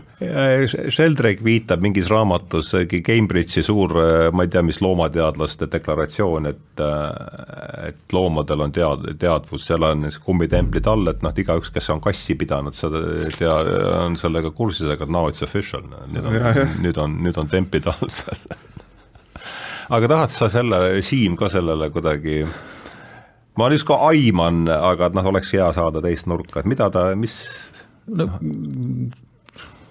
see on jälle niisugune võib-olla ärapanemine siis sellisele monoliitlusele mõtlemisele, kas või selle, kui me enne rääkisime sellest, et kõik on ressurss või et kõik on mm, -hmm. kõik on nii ja naa, et mulle, mulle tuli pähe kohe äh, üks kanadalane, kes, üks oli, kes oli siis üks neid esimesi, kes näitas seda, et monoliitne kes, kes hakkas, hakkas äh, analüüsima Homerost jälle ja ta ütles seda, et kui vaadata Homerose tekste, et siis seal ei ole seda, seal ei teki seda, seal, seal ei teki sellist headust kui sellist ja moraalsust kui sellist, vaid kõik need hetked, kui keegi on õilis või keegi on, teeb midagi hästi või teeb halvasti, on seotud konkreetse kohaga, konkreetse hetkega. et võib-olla see on, see on see, mis meil puudu on või et kõik on ressurss, kõik on, on nii nagu on. aga me unustame ära, et on noh, ma ei tea.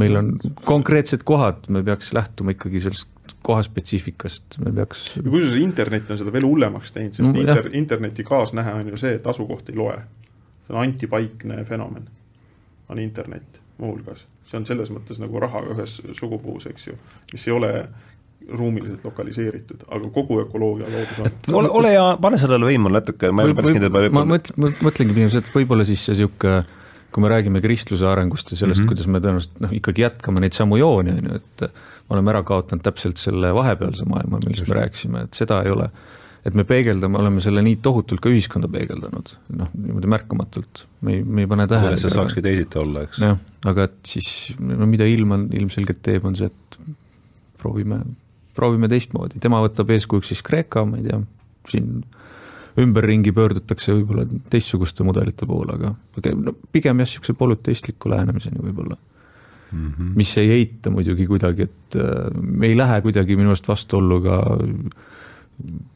lõppkokkuvõttes kõik haaravam, ma ei tea, nagu tarnastub välja selle siukse, mis see Jungi termin nüüd on, vastandite ühinemiseni, et mis iganes, las ta siis olla seal kuskil taga, aga et me oleme ikkagi praegu hetkel siin kohapeal. Ja aga anna mulle seda koha äh anna selle, see koha, see kohapõhisus või koha olulisus. no siin on seesama, siin on seesama, et kui, kui Mihkel räägib sellest, et äh, kõik on ressurss, et me võime noh, tõmbame hiiepuud maha, on ju, siis äh, vastand on see, et, et et ongi, sul on need hiiepuud ja, ja see on, see on see konkreetne koht mm, -hmm. seal on see konkreetne ja. miski olemas ja sa ei saa neid niimoodi maha tõmmata, sa ei saa mõelda. ta ei, ta ei, ta no. ei taha tihumeetritele. jah ja. Mm -hmm ei no muidugi seal on kihti, kihte palju, on ju, isiklik tasand, kollektiivne tasand, mingi no muud asjad, mis seal kokku, kokku tulevad, aga. ja, ja vaata, kui võtta see skeem kartesiaanlusest, eks ju, et vaim on ainult inimesel mm -hmm. või hing, vaim jah, vaim on ainult inimesel, vaimu märk on keel ja sealt tuleb see arusaam, eks ju, loomadel keelt ei ole, järelikult neil ei ole ka vaimu, järelikult neil ei ole ka valutunnet, eks ju äh, ja nii edasi, kusjuures veel minu arust mingi seitsme-kaheksakümnendatel opereeriti imikuid ilma tuimestuseta, sest usuti, nad ei tunne valu eks ju, kui sa vaatad vähegi kuradi füsioloogilisemalt, evolutsiooniliselt oota, kas see on nüüd ikkagi eh, kas guugeldage, ma ütlen, kurat, guugeldage õudus, ihukarvad tõusevad püsti, aga millal seda tehti niimoodi? kus? millal seda see oli minu arust kaheksakümnendad veel. tuhat üheksasada kaheksakümnendad? jah. aa, see haakub selle krohvi mõttega midagi, et see et kui kui kõnevõimet ei ole, kui ei räägi, Mm -hmm. siis järelikult valu ei tunne, noh sama asi, mis praegu kalade suhtes arvatakse, eks, kui kuradi ma näen mingeid harrastuskalastajaid, kes kekutavad sellega, aga ma lasen nad vette tagasi, eks ju, ise nad on konksuga suu puruks tõmmanud, ma tahaks neile jalaga perse anda, eks ju, kuradi jõkke visata. sest noh, eks ju, see on ju, kõik on tegelikult äh, organismi, valutunne on, eks ju, subjektiivne kogemus organismi kahjustumisele. täiesti ilmselgelt on see kaladel olemas, eks ju, aga kuna kala ei karju, mis on, eks ju, jälle üks märk, eks ju, see on küll veel natuke lihtsakoelisem kui kõne, siis järelikult ta valu ei tunne, mis on tegelikult lollus, noh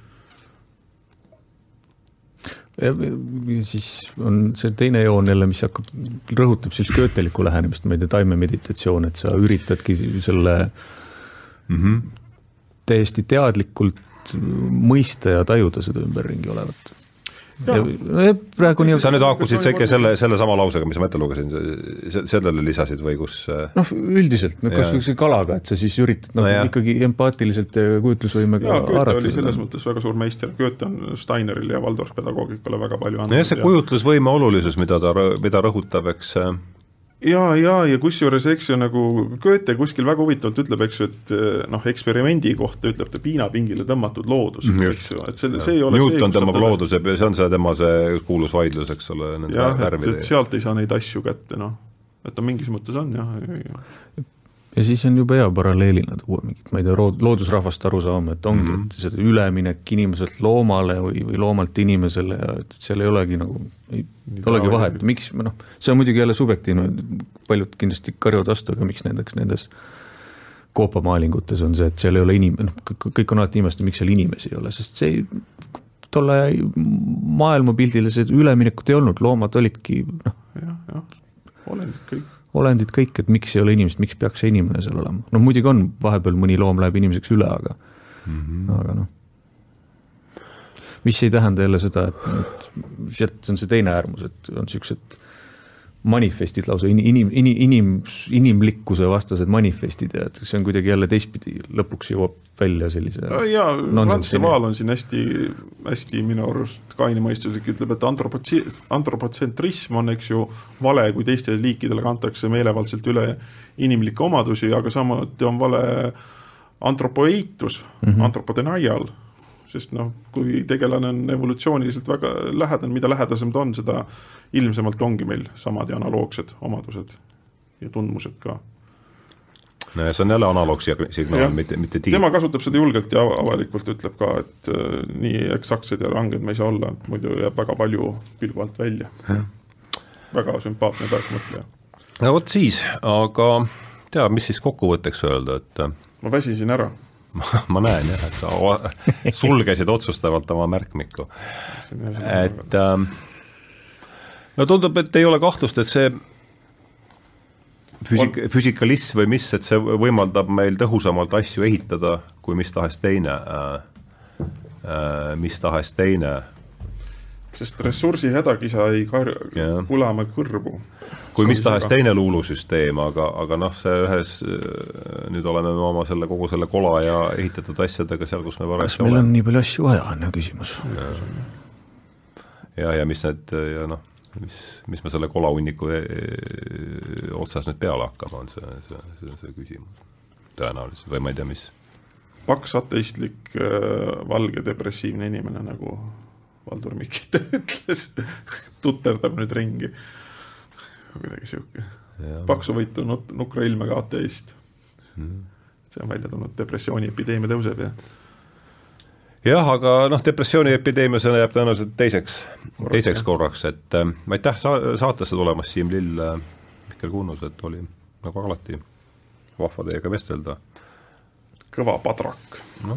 kutsume üles siis, ma ei tea, harjutama juba, et üks, üks päev, üks, üks tund päevas Facebookist eemal, et siis, kui see löök tuleb, seitsmetunnine, et siis oled natukene juba kogenud. ja, ja, ja ma proovi, soovitaks olla ka paar päeva ilma söömata, see on täitsa hea kogemus. jah nii et kena, tõmbame siis äh, joone alla ja veel kord aitäh äh, Reiole kaameraga ja aitäh kõigile, kes on teinud saate võimalikuks ja pusime siis edasi, niikaua kui elektrit on. jah, ja lehvitame. ära ka-, ära kaob, siis mõtleme edasi halleluuja. halleluuja.